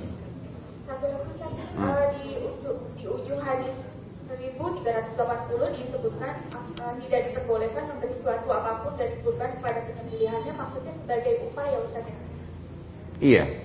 Jadi tidak boleh tidak boleh misalnya kita kasih daging nih kepada yang menyembeli. Lalu kita niatkan itu upahnya. Tapi kalau kita kasih dia sebagai bagian penerima kurban boleh. Jadi jangan diambil bagian dari kurban itu sebagai upah. Berarti ada yang berkurang. Tapi kita boleh kasih si penyembelihnya, misal kita kasih kulitnya, tapi itu bagian dari kurbannya dia. Bagian kurban kita yang kita kasih ke dia, itu boleh. Itu yang dimaksud dari potongan hadis itu. Ada lagi? Ya. Langsung aja yang pegang mic langsung aja nanya. Waalaikumsalam. Masalah untuk korban orang yang udah orang tua yang udah meninggal. Jadi menurut eh, Imam Syafi'i ini kalau Ahmad. menurut ah, ajaran Rasulullah bisa nggak kalau orang yang orang tua yang udah meninggal bisa korban? Ini ini ini yang ini yang disampaikan khilaf di antara ulama tentang masalah itu. Ada ulama yang mengatakan orang yang sudah mati nggak sampai padanya sembelihan dan ini panjang lebar khilaf di antara mereka. Tapi Imam Ahmad mengatakan sampai karena ada sabda Nabi tadi yang mengatakan ini untukku, untuk Muhammad, untuk keluargaku dan untuk umatku. Riwayat lain yang belum menyembelih. Kata sebagian ulama di antara Imam Ahmad mengatakan ini masuk di antaranya orang-orang yang sudah meninggal. Nabi SAW mengumumkan itu umum semuanya. Umatku yang belum menyembelih, baik yang hidup atau yang mati, masuk di dalamnya. Allah alam. Jadi yang saya pribadi pun melihat bahwasanya pendapat Imam Ahmad ini adalah pendapat yang boleh dipegangi. Kita nggak boleh nyalahkan orang yang menyembelih karena memang mereka berlandaskan juga dengan dalil. Orang yang tidak mau menyembelih untuk orang yang sudah meninggal itu hak dia. Kita bicara masalah kurban ya. Karena ini disebutkan oleh para ulama bahwasanya sampai kepada orang-orang mati pahalanya. Penyembelihan. Ini yang kami tanyakan itu sudah besar bertahun-tahun. Eh, yang kalau orang tua memang itu pada waktu hidupnya memang korban. Tapi setelah meninggal itu anaknya yang menjelekan untuk orang tua. Ya itulah, itulah pendapat Imam Ahmad tadi. Artinya itu tidak salah, insya Allah itu boleh.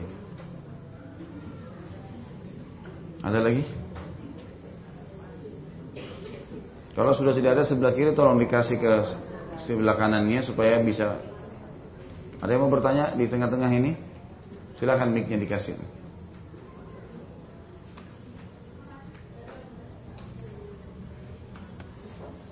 Kita soalnya masih ada bab akikah ya dan kita harus selesaikan pagi ini bab akikah ini karena insya Allah nanti kita akan masuk di Kamis depan bab baru atau kitab baru tentang kitab sumpah dan nazar.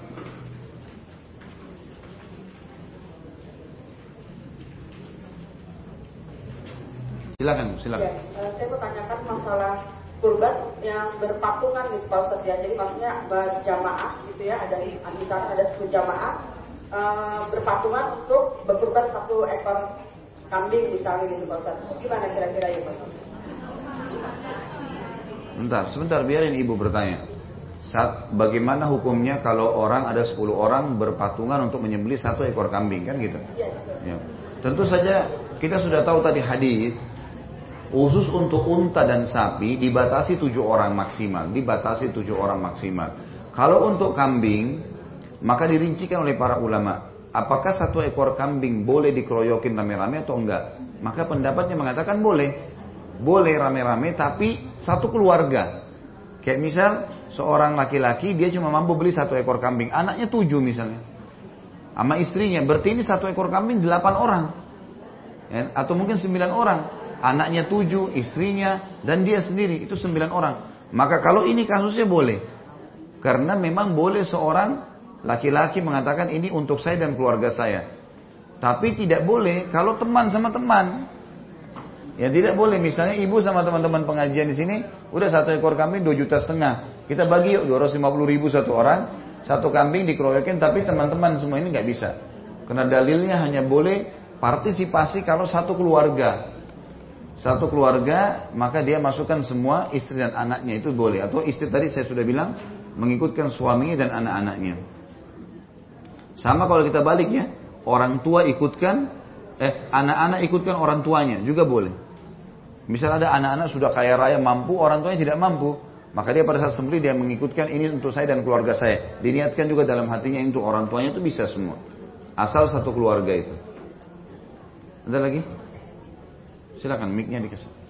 Ustaz mau nanya, eh, kalau misalnya mau beli hewan kurban, eh, kan udah dicek tuh sehat di lokasinya. Tapi saat pembelian tuh kan biasanya hewan kurban tuh diantar, itu pakai kendaraan. Eh, di tiba tuh kan misalnya hewan kurbannya itu ya diseret atau bagaimana cara membanya pas di mau disembelihnya itu pas kita tahu kok kayaknya agak-agak atau misalnya pokoknya jadi nggak sempurna jalannya padahal tadi waktu misalnya di miliknya udah bener menurut. Enggak, kalau ibu lihat si calon pemilik, pembeli ya, melihat itu, dia beli sempurna, kemudian pada saat mau disembeli dia juga melihat prosesi itu diturunkan dari mobil dengan cara paksa atau digebukin atau apa kemudian cacat, maka itu harusnya tidak dijadikan tidak layak sembeli. Tapi kalau kita nggak lihat, kita sudah titipin di masjid, mereka lakukan. Itu tanggung jawab mereka di hadapan Allah. Karena memang harus sempurna bu. Syaratnya kan tadi dari tadi kita bahas banyak hadis ini harus sempurna. Makanya jadi pesan hati-hati ya, hati-hati memang kita jadi pesan dan kita harus kasih kepada orang yang amanah ini. Jangan karena hanya mau keuntungan kemudian dia sembarangan menyembelih. Itu nggak boleh sama sekali. Ya, kemarin pada saat saya kurban terakhir itu ada di antara kambing yang kita beli sekian puluh ekor itu ada satu kambing rupanya kupingnya itu digunting, gitu kan. Tapi guntingnya itu seperti sengaja di, di kayak rapi kiri kanan sama semua. Tapi alhamdulillah pada saat itu ada teman-teman panitia menyaksikan dan e, si pemilik kambing juga kebetulan datang membantu untuk menguliti. E, dia bantu menguliti maka saya bilang ini nggak bisa pak ini cacat. Baik saya tukar, saya tukar sama dia. Memang harus kita jeli melihatnya. Nggak bisa sebelum disembeli harus kita cek juga gitu kan. Kalau enggak ya harus diganti karena nggak bisa. Kalau kita kalau, kalau saya sih biasanya sepakat dengan pemilik kambing. Ini saya beli nih, saya masuk ke kandangnya, beli semuanya kambingnya macam-macam, eh, apa dengan ukuran dengan eh, anu masing-masing beda harganya kadang-kadang atau dipukul rata harganya kita ambil semuanya kita tinggal tunjuk gitu. Sempurna. Sampai ke tempat saya itu saya masih cek lagi. Cek lagi pada saat mau disembeli, dicek lagi kalau ada cacat kita langsung panggil. Kebetulan memang tidak jauh tempat-tempat pembelian itu biasanya. Maka kita bisa sepakat sama dia. Ini kalau tiba di tempat saya ada cacat saya tukar ya. Ini nggak mungkin karena kurban.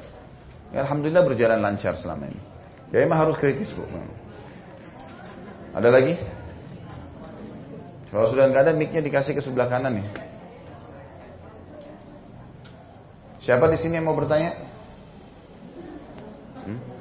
Nggak ada. Di depan sini tadi ada yang mau bertanya kan? Sudah nggak ada. Baik. Kita pindah sekarang ke bab akidah, akikah maaf, bab akikah. Disebutkan babul akikah atau bab akikah dan akikah adalah diambil dari kata-kata akka ini yang berarti uh, melepaskan beban bisa berarti itu atau berarti menumpahkan darah. Nah, dikatakan akikah bagi bayi sebagaimana sabda Nabi SAW akla bayi kalian atau bebaskan dia dari beban-bebannya masuk dalamnya tari pusatnya masuk dalamnya ditumpahkan darah akikah diberikan nama yang baik ya. Itu di hari ketujuhnya jadi itu makna daripada akikah itu sendiri tapi yang jelas lebih tepatnya dia adalah hewan yang, di, yang, di, yang disembelihkan untuk e, nama si bayi, eh, si bayi ini. Hadis pertama dalam bab kita ini 1382. An Ibnu Abbas radhiyallahu anhu anna Nabiy sallallahu alaihi wasallam aqqa anil Hasani wal Husaini kabshan kabshan ya. Rawahu Abu Dawud wa Sahih Ibnu Khuzaimah wa Ibnu Jarud Abdul Haq lakin rajjah Abu Hatim irsala. Dari Ibnu Abbas radhiyallahu bahwasanya Nabi SAW berakikah untuk Hasan dan Husain masing-masing seekor kambing kibas. Ya. Itu tadi bahasa Arabnya didirikan shin ya, kabshan kabshan. Itu kan di situ ditulis kapsan ya. Itu harus dijadikan diganti menjadi shin atau ditambah titik tiga. Riwayat Abu Daud, hadis sahih menurut Ibnu Khuzaimah, Ibnu Jarud dan Abdul Haq. Namun Abu Hatim lebih menilai hadis ini mursal. Kita lihat footnote nomor satu yang dimaksud adalah Al Baihaqi, Ibnu Hibban dan Hakim meriwayatkan hadis ini dari Aisyah radhiyallahu anha dengan tambahan kalimat pada hari ketujuh dan memberi nama keduanya dan mem mem memerintahkan agar kotoran di kepalanya dihilangkan. Ibnu Sakan, maksudnya rambutnya dipotong ya, digundulin. Ibnu Sa'kan menilai sahih terhadap hadis ini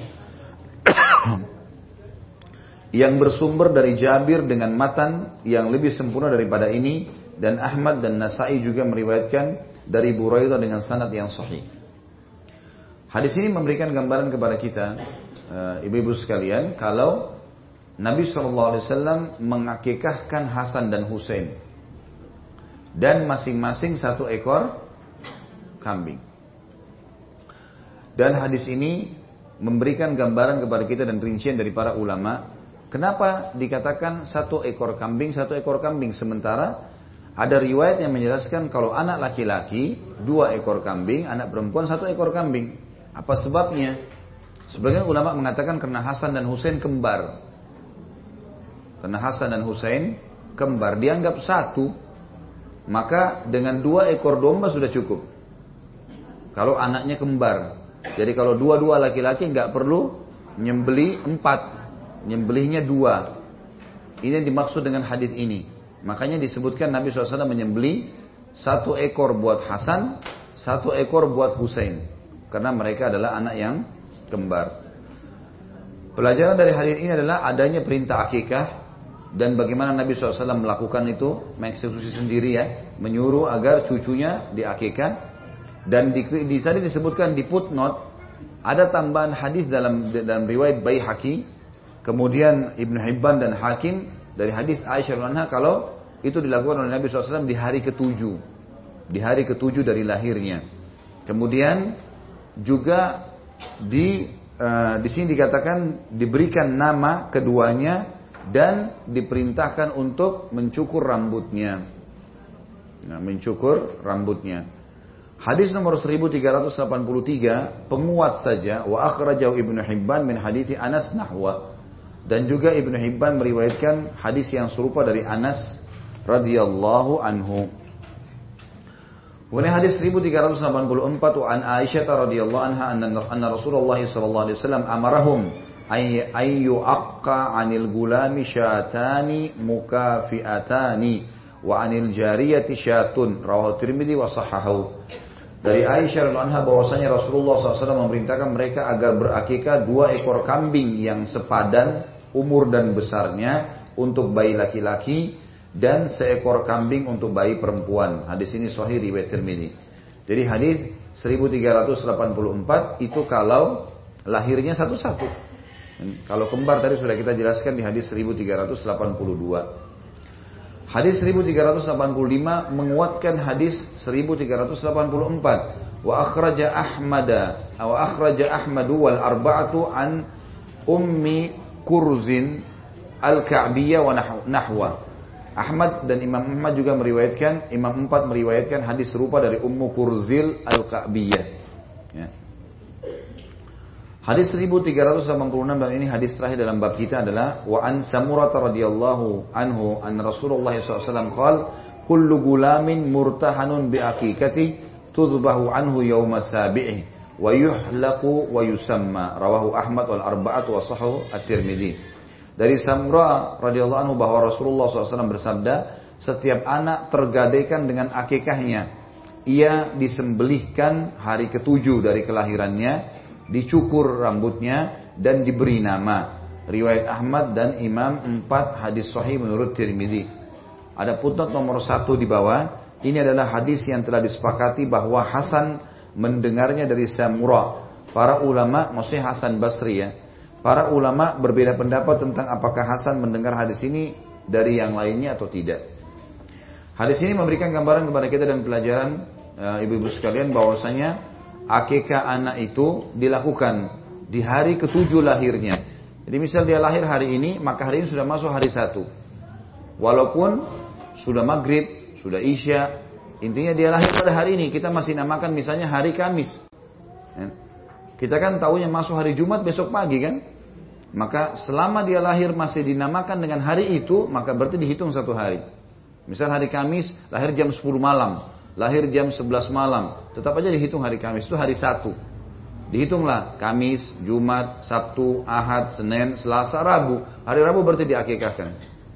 Berarti hari Rabu diakikahkan. Ini hari ketujuhnya. Dan hakikah sudah kita sebutkan tadi, akikah sudah disebutkan kalau anak laki-laki dua ekor kambing, anak perempuan satu ekor kambing, kecuali kalau kembar maka cukup dengan dua ekor masing-masing satu. Tapi intinya kambingnya harus sepadan ya. Jadi sama-sama ukuran kambingnya, sama-sama harganya gitu kan. Jangan akikah dua ekor kambing untuk anak laki-laki tapi satu besar satu kecil. Enggak. Memang sebuah sepadan kambingnya. Kemudian juga pelajaran dari hadis ini dicukur rambutnya. Dicukur rambutnya dan ini juga di hari ketujuh. Insya Allah bagi eh, ibu-ibu yang sudah punya pengalaman tentu tahu ini tidak sulit, sangat mudah sekali. Bisa menggunakan alat cukur ya. Saya melakukan di anak-anak saya sangat mudah, apalagi kalau pakai mesin sebentar sekali, gitu kan. Kalaupun tidak maka pakai alat cukur pelan-pelan saja.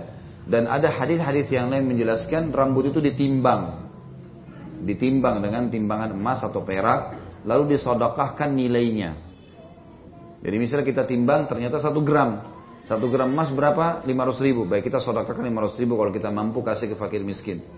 Tapi yang sangat ditekankan mencukur rambutnya. Tentu ini sudah banyak penjelasan para e, ilmuwan muslim. Kenapa rambut harus dicukur? Pada saat baru lahir. Karena di rambut itu dia banyak menampung tadinya hal-hal yang dari kandungan. Memang harus dibuang. Dan rambut lebih subur kalau dicukur. Kebanyakan yang tidak cukur pada saat bayi ini, maka ada masalah di penyakit kepala, penyakit kulit kepala, penyakit rambutnya mudah rontok dan segala macam berhubungan dengan masalah itu. Ya, jadi memang mencukur ini sangat penting bagi bayi di hari ketujuhnya. Kenapa di hari ketujuh ada ulama lagi yang membahas? Karena kalau dibiarkan tujuh hari dari hari lahir, maka dipastikan di rambut bayi semua pun yang tersisa itu akan mengumpul ke satu tempat sehingga tidak sulit untuk ya pada saat dicukur tidak sulit untuk mengeluarkan bakteri-bakteri yang ada di rambut itu. Kemudian pelajaran yang lain diberikan nama. Ini pelajaran yang ketiga, diberikan nama dan ini kita disuruh pilih nama-nama yang baik.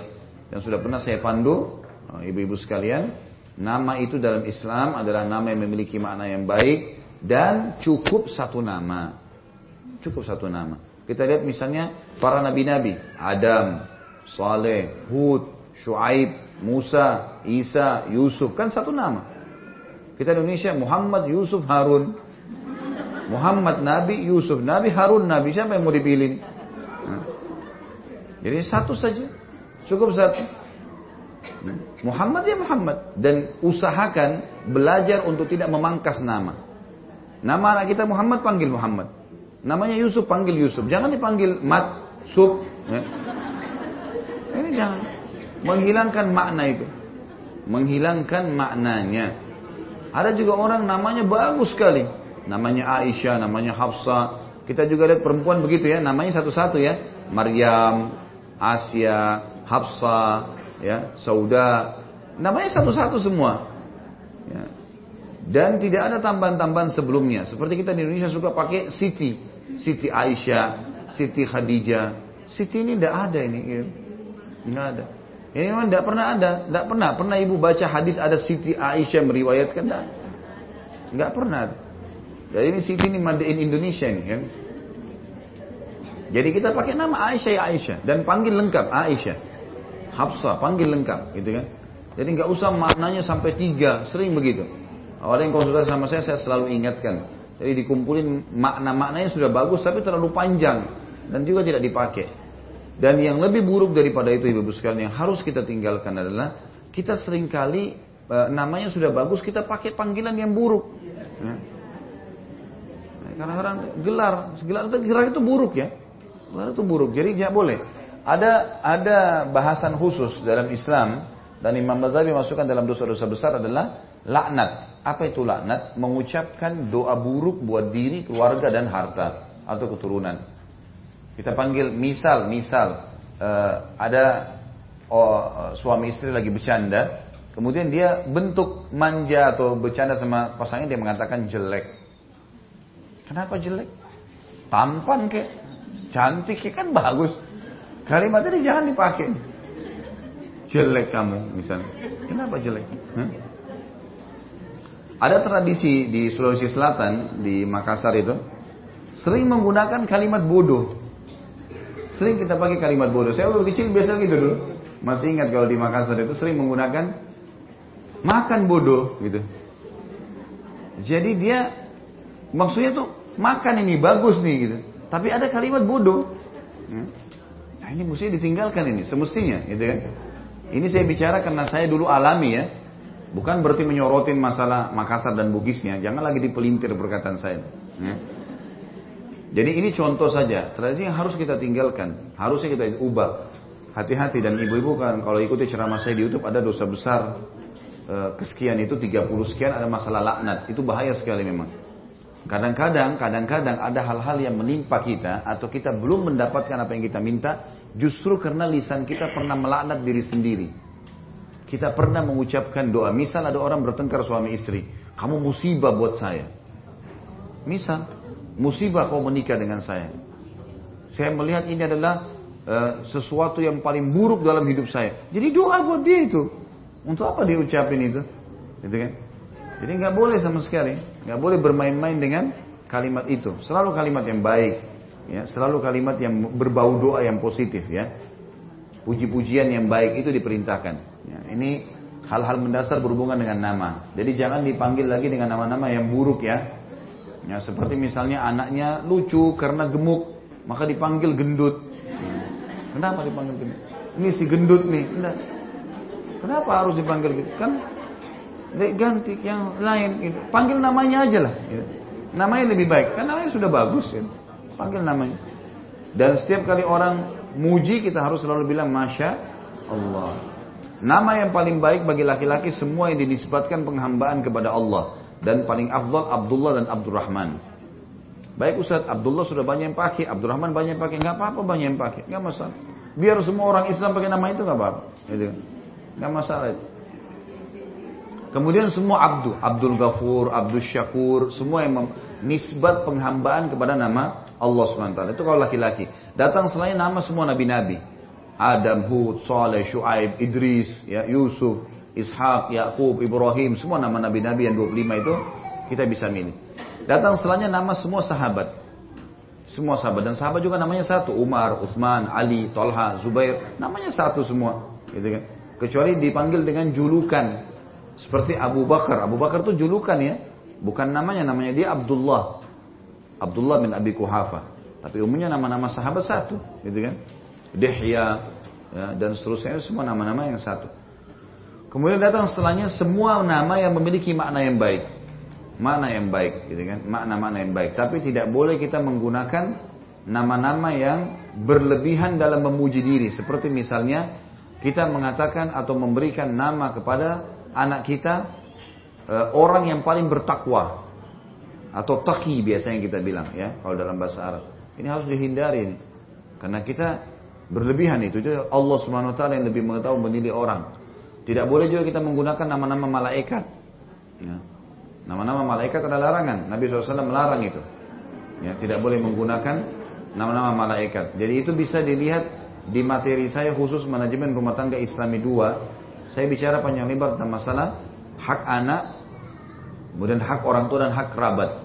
Itu ada hadis-hadis yang saya sebutkan tentang tidak bolehnya kita menggunakan nama-nama malaikat. Tidak boleh juga penisbatan nama yang tadinya untuk Allah kepada makhluk seperti misalnya orang bilang abdu Ka'bah. Ka'bah kan makhluk juga.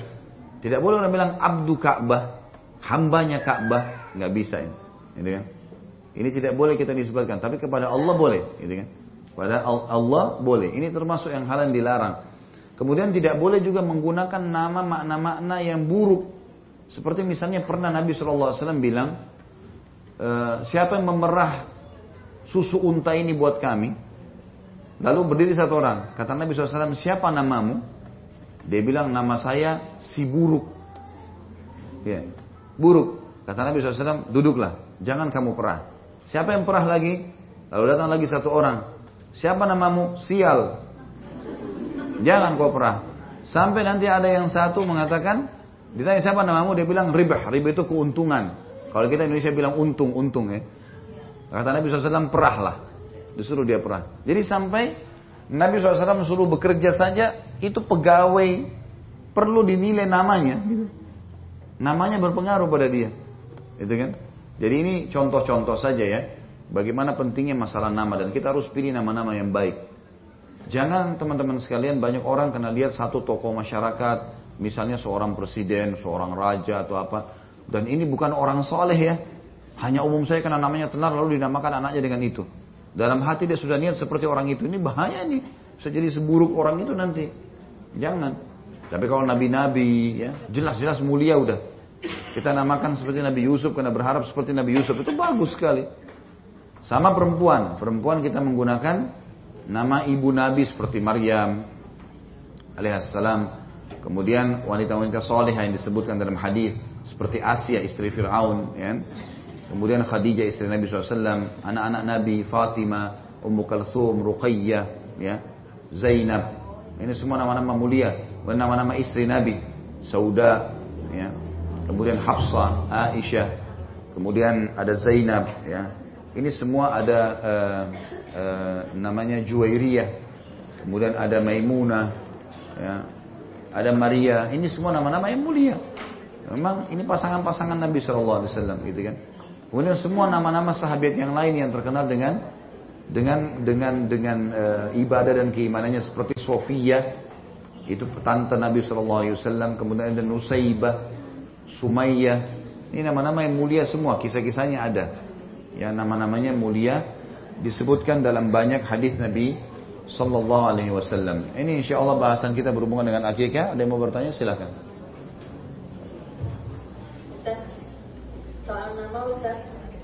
sebaiknya adalah satu kata seperti uh, Aisyah ya. Tapi kok di Indonesia itu kan kalau kita pergi umroh kan harus tiga suku kata di Nama dia, nama ayah, nama kakek.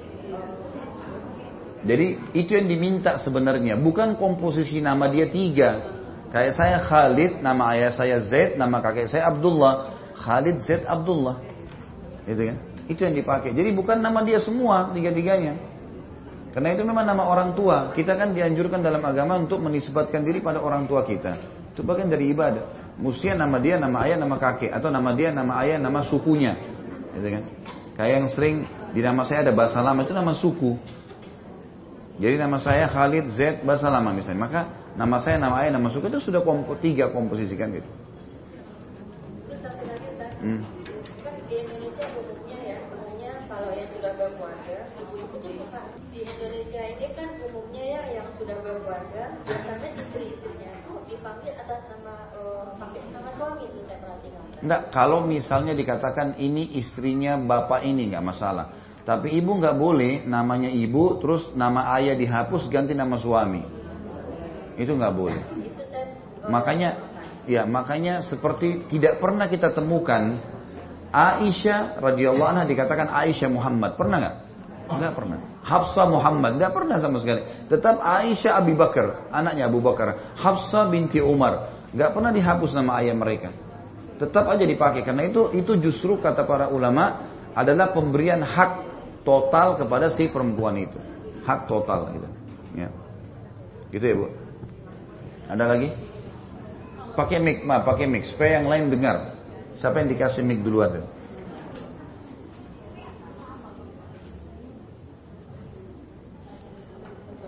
Kalau misalnya mereka umur eh, tujuh hari kita langsung mereka untuk terus memang nggak mampu belum mampu untuk beli kambing sedangkan anaknya itu laki-laki kan dua belum mampu itu bisa kita. Nah, itu pendapat ulama. Bagaimana hukumnya kalau seseorang eh, dikarunia oleh Allah anak laki-laki lalu dia pada hari ketujuh hanya mampu beli satu ekor kambing, dia nggak mampu beli dua. Apa yang dia lakukan? Ya sudah dia sembelih semampunya.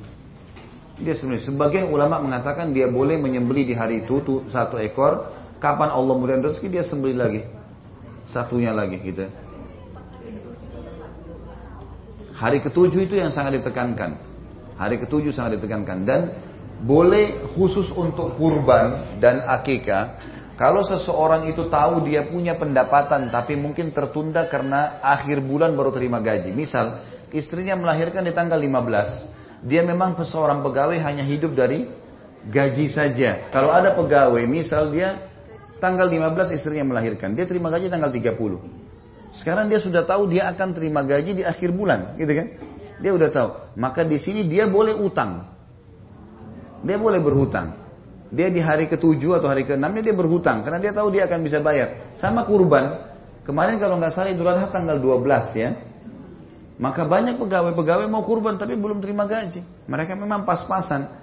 Maka di sini boleh dia utang karena dia tahu dia punya penghasilan ya yang dia bisa bayar. Yang tidak boleh kita utang seperti ini kalau kita tidak pasti. Nggak boleh. Yang boleh membuka pintu utang kalau sesuatu memang mendesak kayak kelaparan dia akan mati kalau dia tidak makan, dia minta nggak ada yang kasih, maka dia boleh utang umumnya walaupun dia tidak tahu dia akan bayar kapan. Tetapi kalau seperti ini ibadah, dia harus tahu dulu ada nggak solusinya. Karena kalau tidak itu kan jadi utang, ahli waris akan menanggung ini. Ahli waris akan menanggung.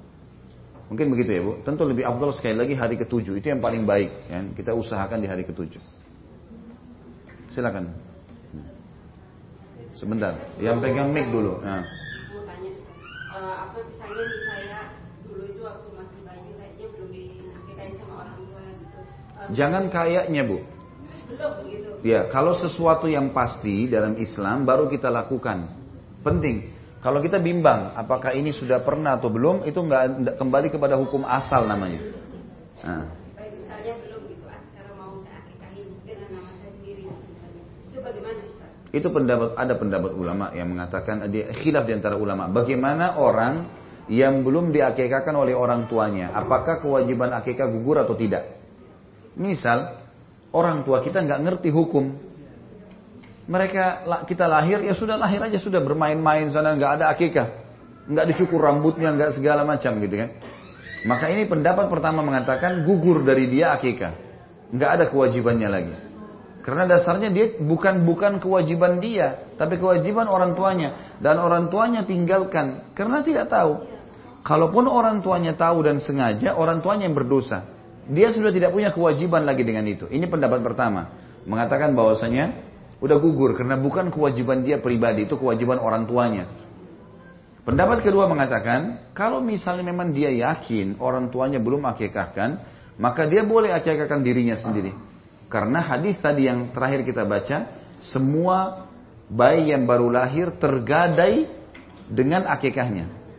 Pendapat kedua ini mengatakan boleh kapan saja. Dan saya pernah tanyakan ke beberapa majelis di Masjid Nabawi, saya pastikan lagi ke beberapa ulama di sana saya bilang kan bagaimana pendapat yang lebih bisa kita terima. Karena banyak orang juga yang tidak faham tentang hukum orang tuanya nggak akikain. Tapi jawaban mereka umumnya begini bu ya. Kalau dia memastikan, betul-betul dia tahu ini belum akikah, ya boleh lakukan. Tapi kalau enggak, dia bimbang. Kayaknya belum atau enggak ya, ya udah kembali kepada hukum asal. Anggap sudah selesai. Karena karena memang dia tidak ada beban, dia tidak ada beban hukum untuk akikahkan dirinya. Hukum asalnya itu. Karena yang harus mengakikahkan siapa? Orang tuanya. Orang tua tidak mampu, walaupun pamannya mampu, nggak ada kewajiban. Karena harus orang tuanya ini. Kecuali pamannya bilang, udah anakmu saya akikahin, ini duitnya, saya sembilan, ya sudah silahkan. Tapi orang tua yang punya kewajiban. Kapan mereka tidak mampu ya sudah gugur gitu. Seperti itu hukum asal. Ya sudah tadi saya bilang. Jadi boleh saja. Pada masalah itu boleh saja dia masuk untuk mengakikahkan dirinya. Sebentar, yang pegang mic dulu. Supaya enggak enak bentrok. Saya gini Bu, ya maaf saya bilang pakai mic kenapa? Supaya yang teman-teman di belakang semua itu pada dengar. Kalau saya cuma langsung jawab saja, nanti pertanyaannya nggak jelas. Silakan. Mana? Ustaz mau tanya kalau misalnya Mana yang ngomong nih? dua atau tiga Oh iya.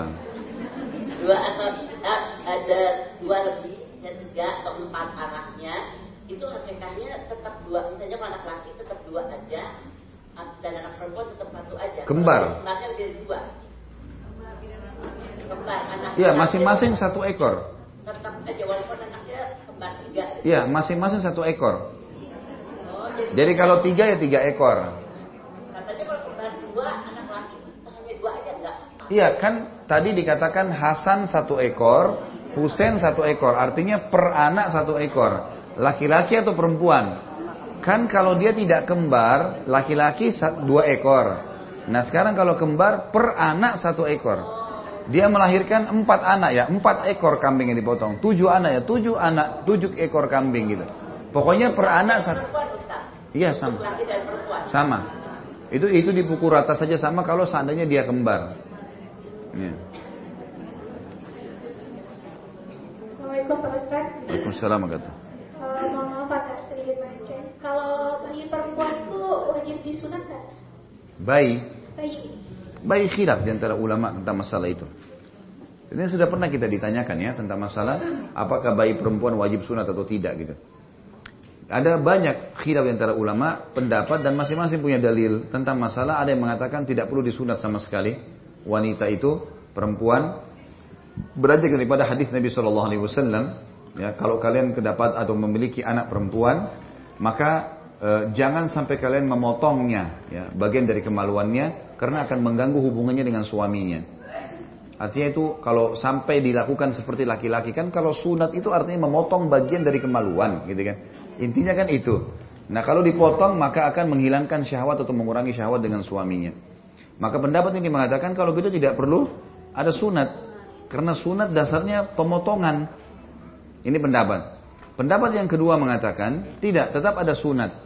Tetapi agak berbeda dengan kasus laki-laki. Tidak perlu ada pemotongan, tapi proses pembersihan. Ya.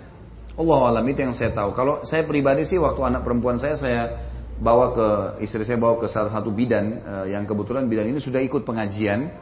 Kemudian eh, dia sampaikan ke istri saya dan istri saya jelaskan ke saya. Jadi dia berikan gambaran, diperlihatkan cara pada saat anak saya dilakukan. Jadi cuma seperti ini saja kalau anak perempuan. Menurut istri saya itu memang seperti cuma dibersihkan saja di daerah sekitarnya, kemudian isu akan berubah seperti ada perubahan terjadi dengan cara seperti itu. Allah alam saya tidak tahu proses seperti apa, tapi anak saya dilakukan seperti itu. Dan ini dicukupkan, kata dia dicukupkan dengan sunat wanita. Itu.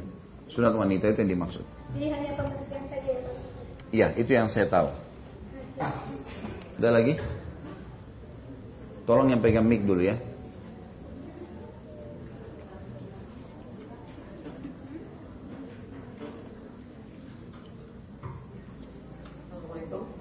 Kalau Waalaikumsalam. nama anak dengan nama dari Asmaul Husna. Saya, saya pernah dengar hadis yang melarang memberi nama Malikul Mulk, raja di raja. Kalau memang nama itu sudah selesai, namanya Maliki gitu Pak Ustadz. Apa itu harus dirubah? Yang tidak boleh itu Malikul Mulk namanya. Yang ada hadis menjelaskan Tidak boleh memberikan nama Malikal Mulk. Apa itu artinya? Raja di atas raja-raja. Itu sifatnya Allah. Tapi kalau seseorang memberikan nama anaknya Malik dengan maksud adalah maknanya raja biasa, tidak menggunakan alif lam karena namanya Allah Al-Malik. Al-Malik, alif lam ini. Sama gini kalau kita berikan nama anak kita Abdurrahman.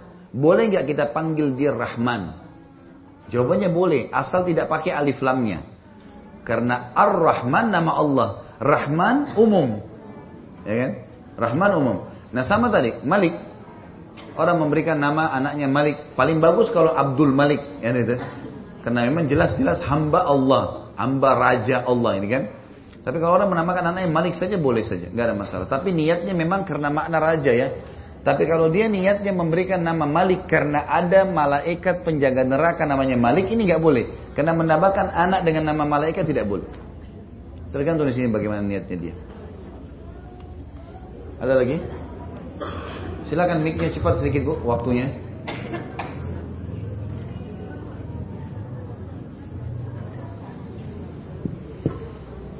Ustaz, Ya. eh, saya mau nanya, kalau saya dulu eh, anak-anak saya nggak cepet saya pedulin dengan alasan waktu itu kasihan anak perempuan.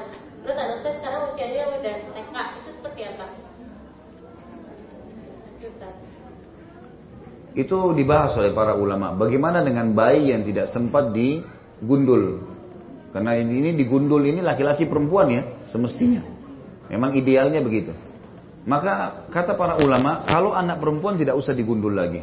Kalau anak perempuan, karena memang umumnya perintah-perintah syariat yang berhubungan dengan potong rambut kayak umroh dan haji itu nggak ada perintah untuk gundul wanita. Tapi kalau dia anak laki-laki digundul, walaupun sekarang dia sudah SD, digundul aja, gitu kan? Karena memang kalau dihubungkan sebagian ulama hubungkan dengan masalah haji dan umrah memang malah laki-laki disuruh gundul lebih afdal. Allah alam itu yang saya tahu. Ada lagi? Sudah nggak ada? Alhamdulillah.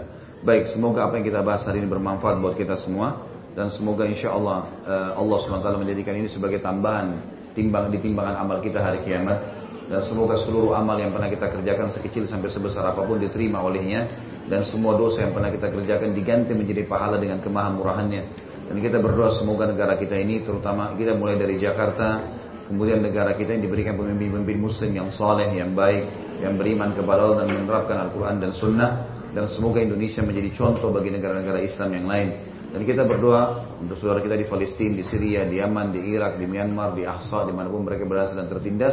Semoga Allah ikhlaskan niat mereka, terima para syuhada mereka, mudahkan Islam di tangan mereka dan tangan kita semua. Dan semoga Allah partisipasikan kita bersama mereka di pahala, baik dengan doa, dengan harta juga dengan jiwa kita. Dan semoga Allah dengan kemahamurahannya menyatukan kita semua di surga firdausnya tanpa hisab. Mana ia satukan kita di majlis ilmu yang mulia ini. Subhanakallahumma bihamdika asyhadu an la ilaha illallah astaghfirullah wa atubu ilaik. Wassalamualaikum warahmatullahi wabarakatuh.